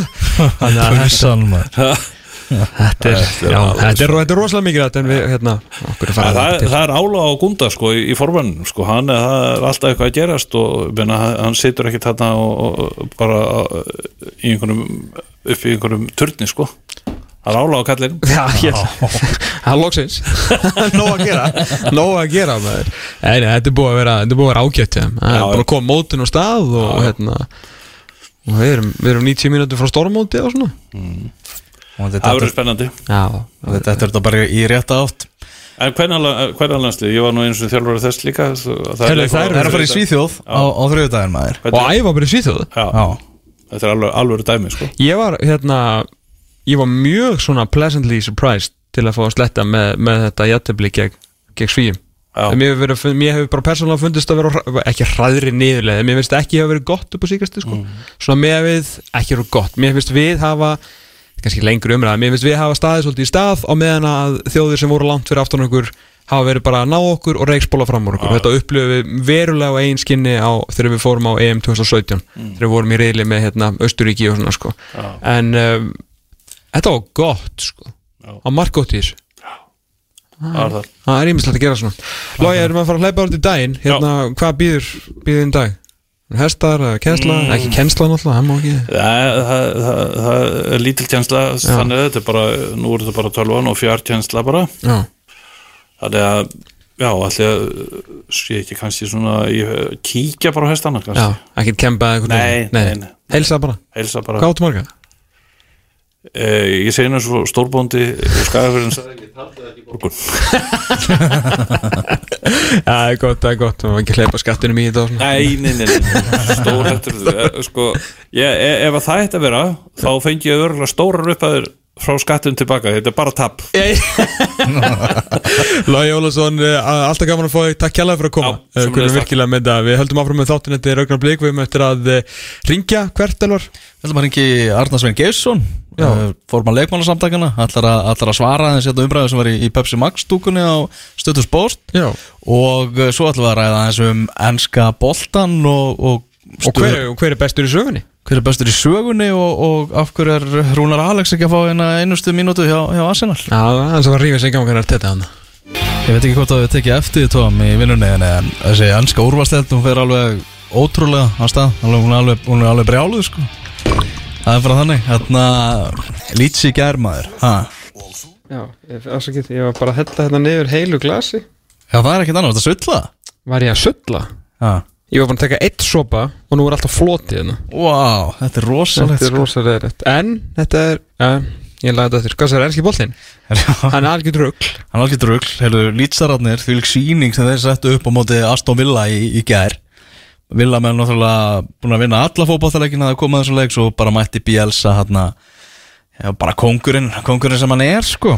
Sko þetta er náttúrulega ekki hægt Því að eh, náttúrulega Svo sem benti á, á, á Twitter í gær Náttúrulega Liverpool vann Leeds 4-3 Aston Villa vann Liverpool 7-2 Bara eins og flesti reknu með. Og svo þegar Aston Villa er búin að vinna fjóra leiki af fjórum Fá þessu tvö mörg og, og vinna bæði sko Leicester og Liverpool Að þá mætir bí, hérna, Bielsa Síðan nýbúin að vera svona Solti pakka saman af, af volunum Þannig að þau voru mjög góður í fyrir En hann náðu ekki að skora skilju og það eru sko fjóri dagar á milli leikja og þá kemur, kemur hann bara tilbaka og pakkar Aston Villa saman. Ég er hættur að skilja, en það er bara fint Það er þetta er fínt, bara, það er bara mjög gaman. Já, já, Patrik Bamford með þrennu og allt gjössalega í hann sko. Pældi hvað Bielsa er, er ótrúlur veist, það er bara hérna hann er að nota hérna Patrick Bamford í þessu leikjum, hann ætla, Rodrigo byrjaði í gerð þú varst að lýsa þessu ekki? Um, en just eins og í fyrstu leikjunum þegar að þú ert að mæta með sko hérna, ok, hann kostaði ekki einu svona 30 meirunlega punta, en er samt sem að þú dýrasti leikmaður sem að, sem að lýtsu keif og þú veist, þú ert gett spenntur hérna, hérna Andrea Razzatoni, hérna formaðurinn eða eigandina, hvað sem hann heitir og, og svo eru þeir eitthvað að horfa um, um, um blá morgunin á, á fyrsta leikinn, San Francisco hérna, uh, hluta eigundunir allir geggja spenntur fyrir fyrsta leik og ok, hefur nýbúin að kaupa hérna 30 miljónar fram mér hvað gerir Rodrigo, nei, Patrick Bamford er í byrjunleginu sem að skora eitt mark í Premier League á sínum ferli. Ah. og bara, já, ok. Já, ok, hann skoraði nú í fyrsta leiki í Liverpool ok, töpuðu samt, ok, hvað gerir Rodrigo núna? Nei, ekki í byrjunleginu hann bara byrjaði ekkert fyrstu leikina þráttur að vera svo dýrasti því að Bielsa er bara, herru, hvað hérna ég get unnið fótboltaleik í dag með Patrick Bamford inn á en ekki Rodrigo og þá er það bara þannig. Já. og þá þarf ekki eitthvað að ræða þetta. Hann minnir mig svolítið stundum á sko Og ef hann vil taka Pascal Strák út af eftir, eftir 20 myndur, þá tekur hann bara Pascal Strák út af. Já og svo sko ef Pascal Strák hefur eitthvað út af það að setja þá er það bara hans mál. Já, já. Þú veist, Bielsa er ekkert í þessu veist, hann er svo mikið hann er svo mi- í mikil baráttu við sinnar eigin tilfinningar með svo Bielsa þegar það kemur á fótboltanum en þannig að er hann algjörlega gufu rugglaður sko að hann hefur ekki tíma fyrir tilfinningar annara sko sem er alltaf bæði gott og slæmt ég menna að menn eh, brenna svolítið út hjá hann og, og allt það. En það er eins og lýtsliði spilaði gær unaður unaður að horfa á þetta sko. Já, bara hlaðborð af geggjum sóknum, trekki, trekki þeim sko. Einna nýju uppáhalds fótballtakvöldunum mínum er hérna maðurinn sem að breytti sem heila breytti sér í bandarækjumann Jack Harrison Já, Jack Harrison. Það er hann er sikk hvað hann er líkamlega talandi um líkanætt atgerfi og geta hlaupið maður. Hann er bara alltaf á full Það er baneitraðar fyrirgjöður Já, ógíslega góður og margir sem að skora ekki glíðubúli fyrstum fyrir svakalegt. Terðu, það er leikir lokið á London Stadium og eftir að vinna síðustu 4000 leiki á þessum velli með markatölunni sko 5000-0 að þá uh, nær Vestam í glæsilegt jafntöfli gegn Manchester City 1-1 þar sem að Lukas Fabianski fór uh, hamförum fyrir, fyrir Vestam í þessum leik og glemum því aldrei að Fabianski spilaði í Kaplakrika 2006 fyrir þegar hann var ungur putti í markinu hjá, hjá Legiu Varsjá. Mm, Það er myndið verið að breyta hérna, þjóðarleikvangi Pólverja í Varsjá í uh, sjúkrahús núna.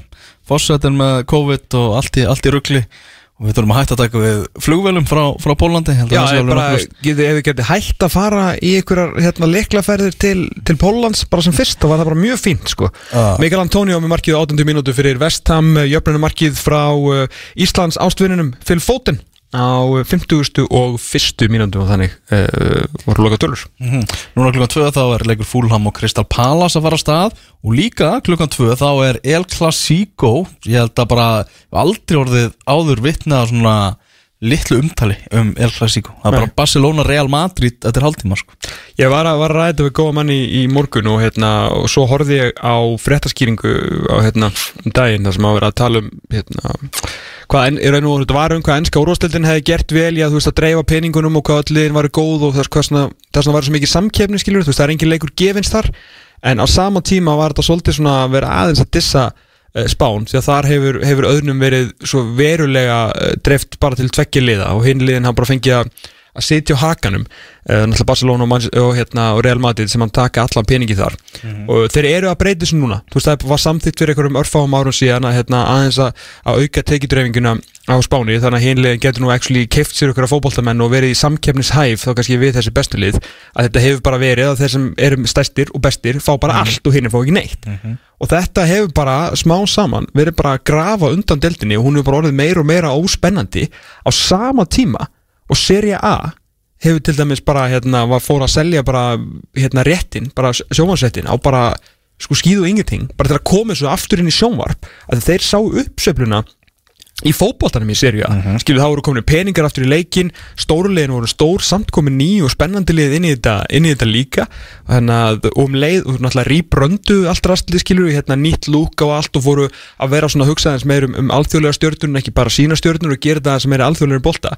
Lásu leikin um gæði og skemmtanagild deildarinnar hárétt á sama tíma og þeir þessu í fleiri sjónvarp. Og sko seri A er bara, þú veist, mér líður bara eins og árið 92 sko, ég myndi allan daginn horfa á sko Asi Inter í dag uh, já, ég skal að segja Asi Napoli frekar heldur en Barcelona Atletico Madrid skilur, þú veist, er bara þannig þú veist, og þessi middeltýr leikir þú veist, eitthvað svona, hvað var að segja þú veist, Getafe, þú veist, Getafe Villarreal versus til dæmis, þú veist, Atalanta þú veist, Atalanta Lazio eitthvað þannig, sko, þú veist, bara Serie A er bara einhvern veginn gerði vel í, að, í, í svona í svo rýbrandi á menn að spátt bara svona halvpartin er að deyja drottin sín, sko. Já, fyrst og það tala líka um það þá bara sjáta á hérna, Björn Má Ólafsson með Ítalska Bolta podcasti, hann er stór skemmtilegt Herri, ég spóla þessi gegn það er það bara einn í þessu? Já. Það er nín nálgun. Já, þetta er bara, þetta er, þetta er svona þetta er mjög skemmtilegt hvernig hann byrjar þetta. Þetta er ekki fyrir, fyrir svona bólin þetta er fyrir þá sem að eru í rauðvinunu og svona Já, sko þetta er fyrir, fyrir lækni í jakkafötum og takkaskóm og, og, og hérna fertu að menn sem er að búa heimi á mömmu. Þetta er nostrara hlaðvar það- Já, þetta er algjörð, maður þarf eiginlega að horfa á þetta með hérna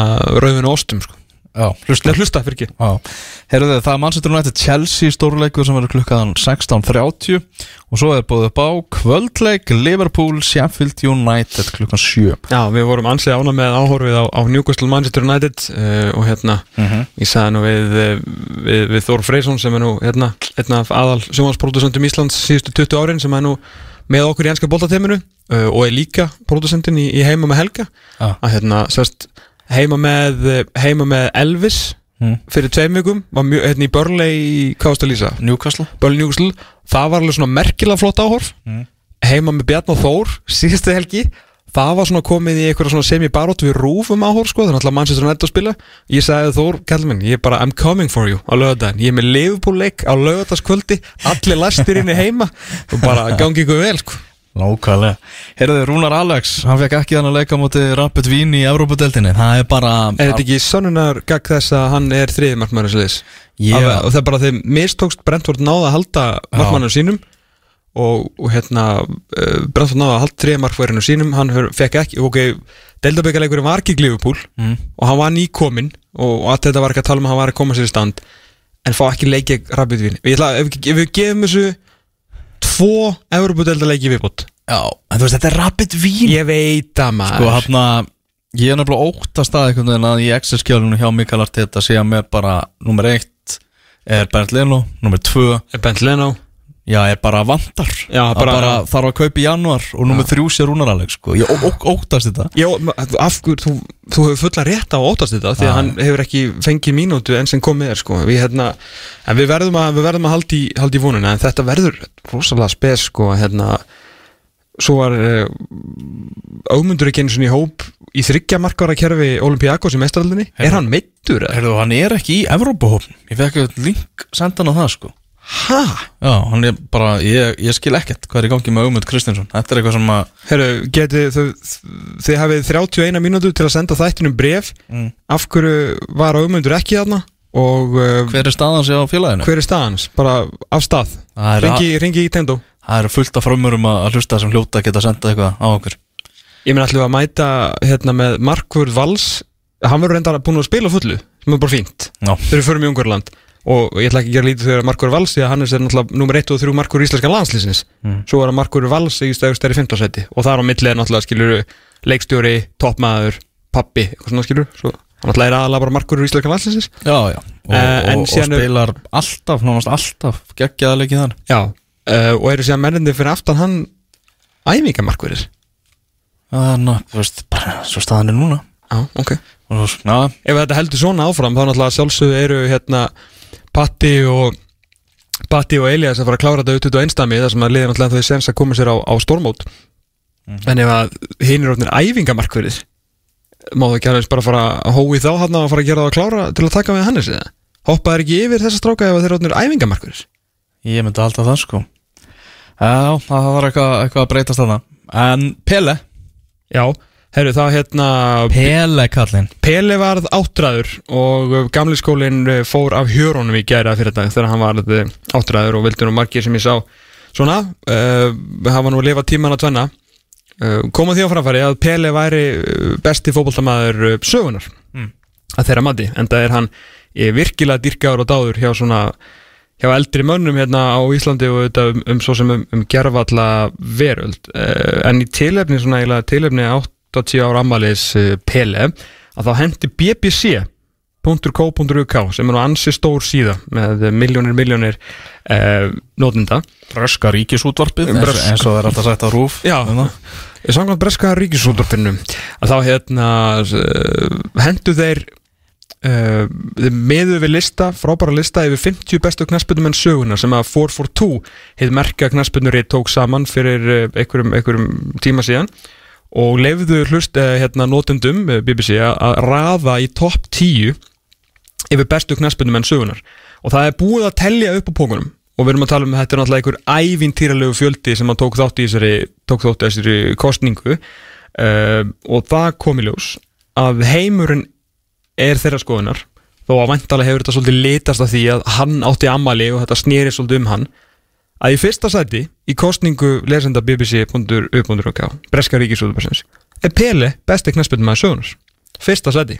Já. Í öðru seti Lionel Messi. Þriðja seti Cristiano Ronaldo. Og í fjórða seti Diego Armando Maradona. Jóhann Cruyff síðan nummer 5 Jóhann Cruyff nummer 5 En Maradona þetta andur, þeir, þeir tjúlast þeir heyra þetta heldur betur Þeir sem eru í söfnun. Þeir vilja nú meina sko hann sé nummer 1 Já, Og svo já. komir eiginlega bara svona hérna Svona stöðlaberg á milli sko veist það er bara látrabjerg Og svo kemur næsti maður Og það sé ekki einu sinni Peli, það er bara Messi og Peli sé í 15. seti skilur við uh, Já, Jóhann Cruyff í 5. Það sem ég er ánægast með er að í sjötta setinu, hann að vera í 5. að mínum að er, er, er, er alvöru Ronaldo, mm. brasilíski Ronaldo eh, Frans Beckenbauer 7. Uh, Zinedine Zidane 8. síðan svona eitt fyrir gamlu kall- eða tveir fyrir gamlu kallana í 9. og 10. seti uh, 9. Ferenc Puskas og uh, 10. seti Alfredo Di Stefano sem að uh, spilaði fyrir ekki nema þrjú landslið Argentínu, Kolumbíu og Spán Það er ekkert Uh, já, Pele auðvitað gerði aldrei utan uh, Brasilíu, vann vissulega HM tókur endar lítinn þátt í einum af þessum HM, HM Sigrum sko en talandum að því var að minnast á, á hérna, frettaskýringu við Sigurssonar í morgunblæðinu dag þá er hann einmitt líka með svona gamla skóla bakvörð, þar sem hann segir orðið góðsögn sé ofnótaðasta uh, knas, uh, orðið í knattspyrnu og það sé í raun og veru bara tveir sem að megi uh, nota, vera sem sagt mertir með þessu, með þessu forskiti góðsögn og það séu annars vegar Billy og Diego Armando Maradona. Bara tveir? Já. Og hann sagði, svona að það eru fleiri eh, innan svega sem sagt að ég er að bæta við svegunum Ég kallaði Bielsa, þú veist, þjálfara góðsokk í, í útsendingunni ger Já, ég, já, ég með það er rétt Víðir, víðir myndið gefa mér rámt fyrir það. Já, þú fengir rámt í rámt á prófunu þar sko. Já, svo sagði hann að væru fleiri menn á leiðinni en við þurftum að tala um það eftir ferðlana og þá var hann að vantala að tala um Cristiano Ronaldo og uh, Lionel Messi sko.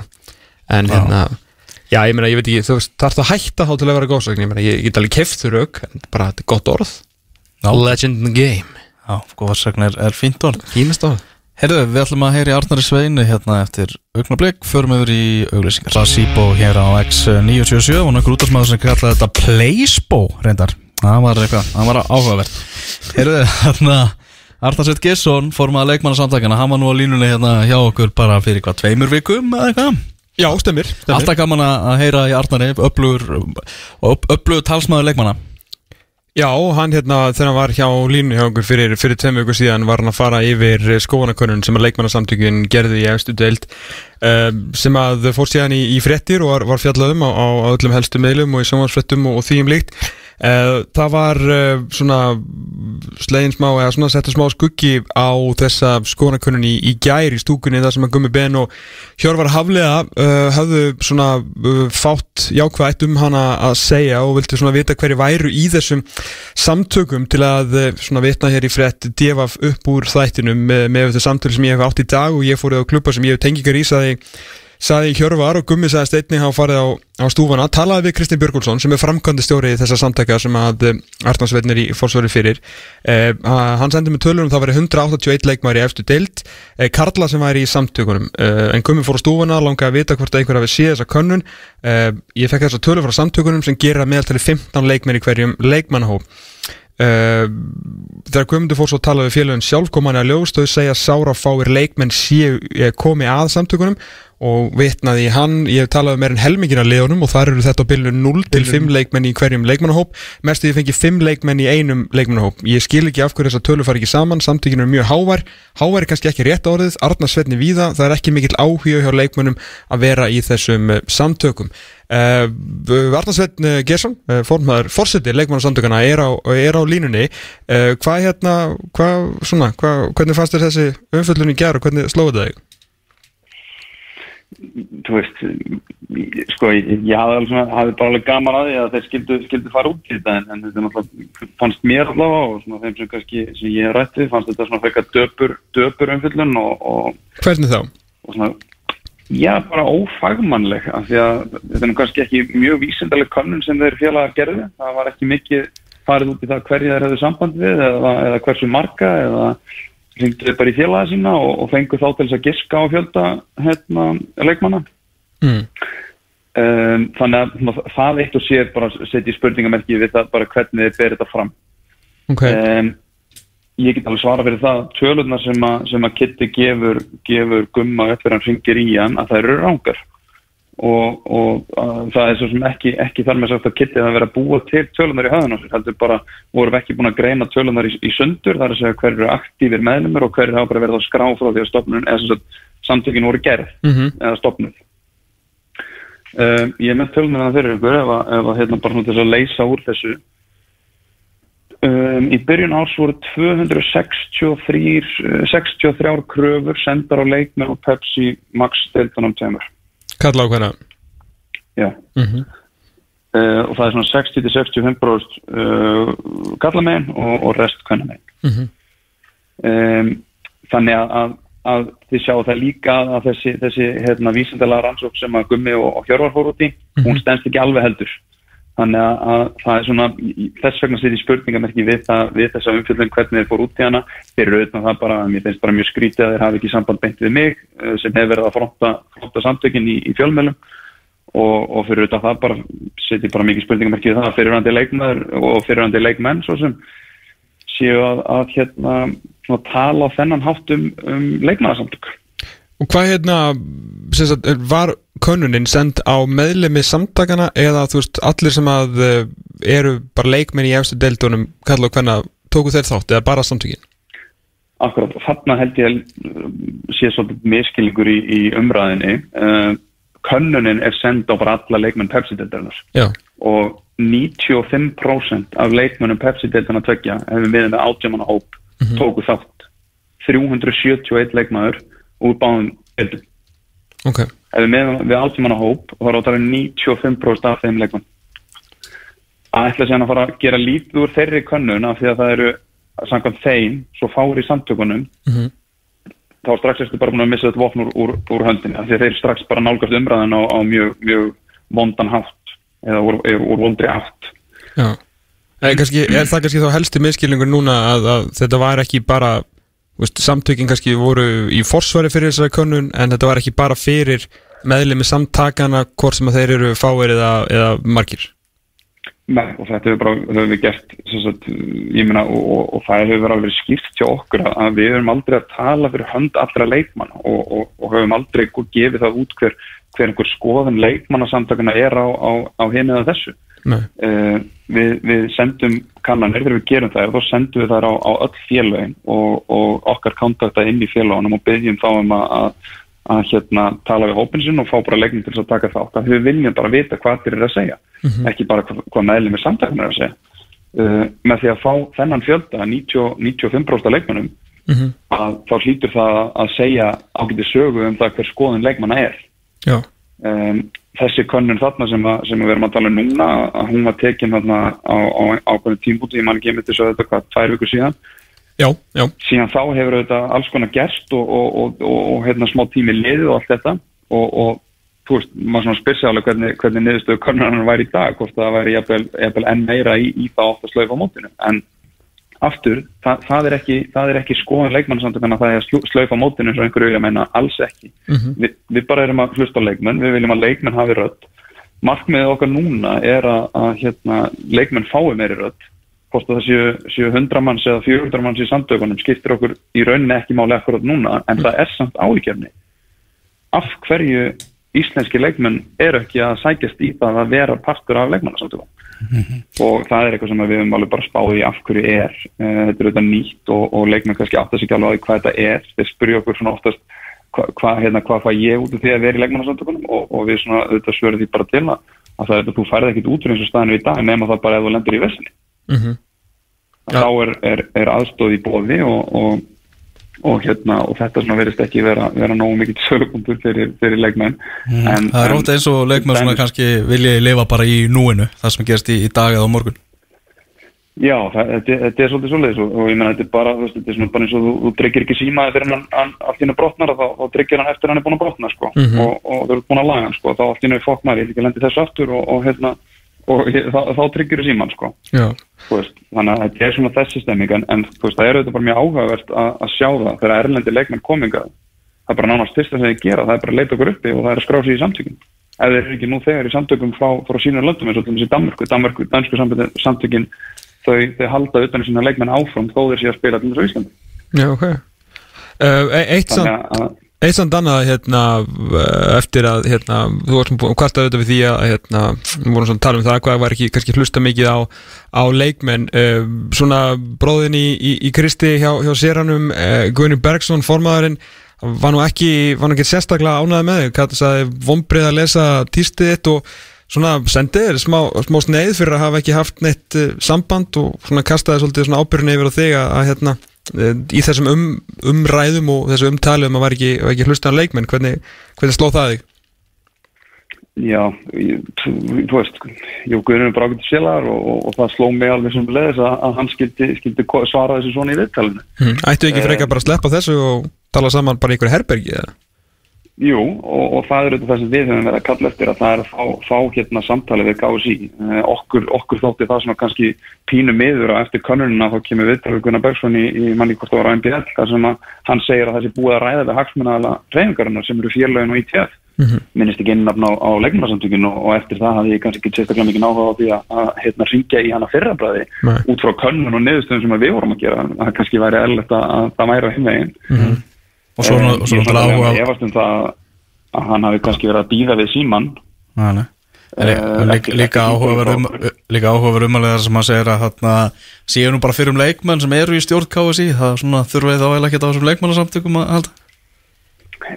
Mitt og, það er svona margt sem að bendi til þess að, að samtali við leikmannarsamtökin eða leikmenn bara almennt eigi ekkit að aukast. Um, og, og það sem ég segi þegar ég segi að, að hérna, ákvörðinu sé verðist vera tekin án þess að, hagur eða helsa leikmanna sé, sé hafð fyrir sjónamið að það er einfallega það hvernig þetta er sett upp það er sett upp þannig að við sérst, æfa á fullu hérna frá 3. november og fyrstilegur 8. 8. november alþjóðlegu leikmannasamtökin FIF Pro að, að þau hafa bara gefið út, út reglugerð þar sem að stendur bara þegar að það koma nokkrar vikur í pásu að þá þurfi leikmenn þrjár vikur af æfingum til þess að hérna, gera sér klára í 90 minna fótbolg Já, já, en það er, það er þeir eru að náttúrulega gefa 6 daga Já, einmitt, einmitt Og það er náttúrulega eins og þá kannski svona það rýmar svolítið við, við orðina að það sé búið að tala við eh, þá sem hafa hagsmunum gæta sem eru semst félögin í raun og, og,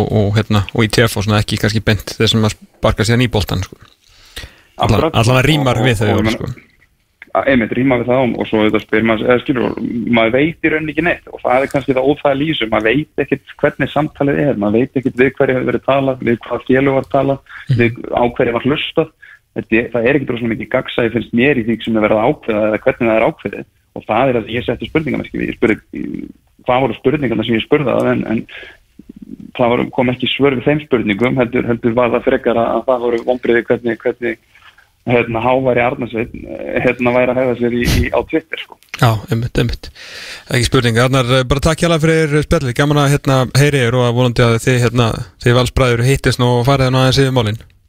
Já, ég vil gera það, ég er engar að gera það. Herru, við heyrumst, Takk fyrir, takk fyrir að heyri- okkur. Við ekki málið bye Þakka bye. þér, bye bye. Yes, Arnar Sveit Geirsson, fórseti leikmanna samtakana, en það er allavega búið að gefa það alveg Íslandsmótið aftur á stað. Herru, hérna, mástu áðan þegar vorum Já. að óskæfti brefi varandi Augmund Kristjánsson. Já, Það hefur ekki borist. Oh. En þetta er um bara samt bref Ok, uh, Og það er svolítið skemmtilegt bref Því að eh, hér var þetta um að berast bref Um uh, tillögu sem sagt, Um nýtt, nýja uppröðun Af fótboltanum. Ef að uh, sjá, Þetta byggir á því sjá, Ef að Já, ef að það hefur verið tilslökun núna á mánudaginn menn hefur mátt byrja, byrja að æfa sko þannig að þetta er nú ekkit eitthvað, ekkit hjútsbref en þá stóð til að spila 1. november stjarnan K.R.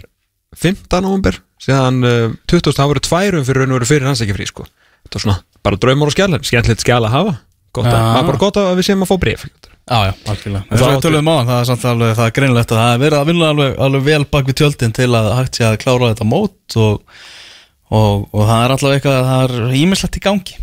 Já, ég meina þú veist, það er búið að taka ákvörðinu það. Að við fáum að klára okkar heittelsku pepsimagsdeild og þetta lengjudeildina sem að er um, skiptir miklu máli upp og hvaða lið kemur með. Skemmtilegast að deildin. Skemmtilegasta deildin það sem að hérna búið að vera mikið, mikið partí og það er alveg klárt mál að ef að nú er þetta, þú veist, þetta er ekkit í höndum fótboltans lengur og hefur svo sem ekkit verið það búið að taka þessa fínu og flottu ákvörðunum um að klára mótið og nú um, snýst það bara um, um, um sóttvarnir sko það er raun og veru er, meira er ekki þetta að gera Uh, 76 mitt í dag ekki fréttina sem við vildum fá og það er alveg klárt að að það er enginn að fara að æfa morgun þannig að þetta draumur og skjálum að fara að spila fyrsta nóvumber verður ekki, þetta verður þétt þetta verður erfitt, þetta verður svolítið skrítið en sangjant og heiðalegt að móti verður klárað, svo framlega sem að Íslendingar hætta mm. liklaklúpsferðin til, til Póllands og, og halda sér bara heima og hlýða við því sko. Mm -hmm. En sangjant og getur orðið, það er eiginlega bara þannig. En það getur getur orðið, allan það spila Það getur aldrei orðið sangjant, þú veist saman Nei, hvernig nei, staðan er. það er enda alveg rétt, já, þið liður ekki að mæta með eh, sama mannskapin í leiki gegn ákveðum liðum og svona, Hversu margir ungi leikmenn ætla að fá núna bara svona eldskýrt sína í þessu svona haustmóti sem að, sem að verður blásið á?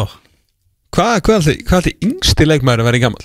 Það er líka góð spurning, það er góða pælingar. Já, Heyrðu maður vikunar Jón Dæði Böðarsson Já Ha, þessi gæi sko. litli gæin, sko Já, það fá komið fréttir hún með gæðir um uh, þar sem að móðir 11 ára gammal strengs í Garðabæ lísti bara ógæðslu einaldi sem að drengurinn hennar hafði orðið fyrir og bara var erfitt að lesa þetta Já, og líka gaman hvað hérna Sjálandskóli síndi hvað uh, það er, er um, daburt apparat í, svona, í svari sínu við þessu öllu sem hann Ok, hvað er það? Æ, bara þú veist eitthvað sendu nánast bara svona staðlað form eitthvað, það er verið að skoða þetta og vilja minna á, hérna, ekki tala illum okkur að því að, þú veist, að raun og veist þið voru að fela sig á baku það að vera, veist, vera að tala um börn, þeir vildu bara ekki vera að tala illum þá, það var alveg skelvilega daburt Já, og ekkit eitthvað, það var ekkit sorry eða okkur þykir þetta leðilegt og það hefur verið að dada það, það var bara svona, ekki tala um þetta.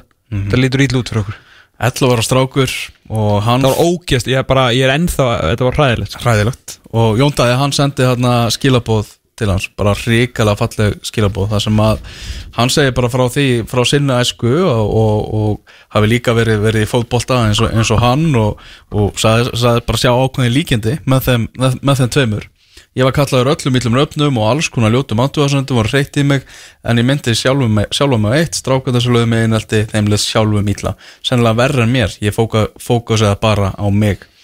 Já, ég sko, hérna ég er alltaf, kannski ég veit betur heldur en heldur margir, hvað hérna hvað býr í hjarta Jón Staða Böðarssonar uh, hérna, búin að þekkja náttúrulega frá því að hann var fjóra, fimm ára gamall. Uh, maður okkar eru, eru bestu vinkonur og, og samgangurinn var mikill á, á síðan tíma þannig að þetta er svona Þetta er svona minn eini vinur í, í landsliðinu. Þráttur að kannski sé nú ekki ykkur um daglegum samskiptu við hann þó ég hafði nú sambandi við hann í gær og, og hérna rosaði hann nú fyrir þetta og var nú allt, allt gott að fyrir þetta og var hann sjálfsög að tala við, við mömmu svona sem er að ég um hef hugsaði um þetta í gær sko hvað, hérna, hvað heitir þessi strákur þetta? Óliver Óliver, já. Það var náttúrulega djöfisir skellur fyrir þess að náttúrulega að Jón Dæði hefur átt uh, kannski er að vera líf heldur en, heldur en margir komist í gegnum margt og fótboltinni raun og voru bjargaði honum. Um, það hefur verið skellu fyrir þá sem að lögðu Jónda í einhaldi þegar þeir rifið sér síðan úr og ofan í einhverju hysterju á Statu Frans þegar hann skoraði skilur á móti, á móti Sviss, nefn móti Östuríki Mm. skilur þú veist, á svona, ah shit, gæðin sem ég einhaldi er hérna þjóðhetja og ég er aumingi. Já. þannig að þú veist að á EM hvað, 2030 eða 32 eða eitthvað skilur veist, sem eru kannski EM allstar. Þegar þessi gæðir sem er ekki ólefur einhaldi þurfa að horfa upp á það að þeir eru einhvern veginn að skjáli bjóri einhverju marki sem hann skoraði fyrir íslenska landsliði sko, muni að það er alltaf þessi gæðir sem að, sem að rísa upp sko, rjóminn fleitir alltaf á toppinu og endanum og það er ekki einhverju ræflar sem er að leggja menn í einhaldi sko, það er bara þannig Algjörlega, bestu guður á Óliver heldur betur. Heldur betur og, og, og Jónda sem er maður vikunar Já, það er, hann er, það er engin spons á þessu lið þar sem við höfum aldrei verið minna lið áður. Við erum með eitthvað grímur og spritbrúsa og eitthvað og... Já, rosalega lítið, svo horfum maður alltaf 957 kleifan hérna. Þegar maður fyrir fram að fá sig hérna köff eða eitthvað. Það eru kynlífskúlur og Kinglífskúlur og einhverju dildóar og, og svo hérna einhver havramjöl og bjór og ég veit ekki hvað og hvað. Allt sko dekklaðið af alls konar vinningum hérna spritbrúsi uh, tuska sem að ég kom með og einhver plata sem að ég held að Ómar átt að taka með heim til sín fyrir löngu síðan hefur ekki ennþá gert sko. En kannski að því ég setur alltaf undir eitthvað drastlina sko. en það er nú bara bara þannig, herru hérna búinir í dag eða? Ég held að við séum bara að klára þetta. Stefi komið í ganga, Já. vel við hæfa að ljúkus á stefinu því að íslenski boltinn hann er að fara í gang núna í komandi mánuðin Já, keflaði Grindavík næstu helgi? Já, Já, svo fer uh, Pepsi Max dildin aftur á stað 8. november Við fengum hér uh, kongin, einn af kongunum í bransanum Loga Ólafsson. Góðsögn. Góðsögn, hann er góðsögn uh, Fengum hann í gott spjall, fórum aðeins yfir Pepsi Max dildina Herðum með Arnari Sveini Geirsinni Pele segja lesendur BBC að sé bestur í sögunni Og svo kíktu aðeins á enska boltan Manchester United Chelsea frá klukkan 16.00 Eður Smári og Paul Inns með og í upputun og eftir. Uh, og Það sé hann auðvitað Sheffield United í kvöld. Við þökkum fyrir okkur í dag, við erum með aftur eftir 6 dag og 22 tíma, þangar til, verið sæl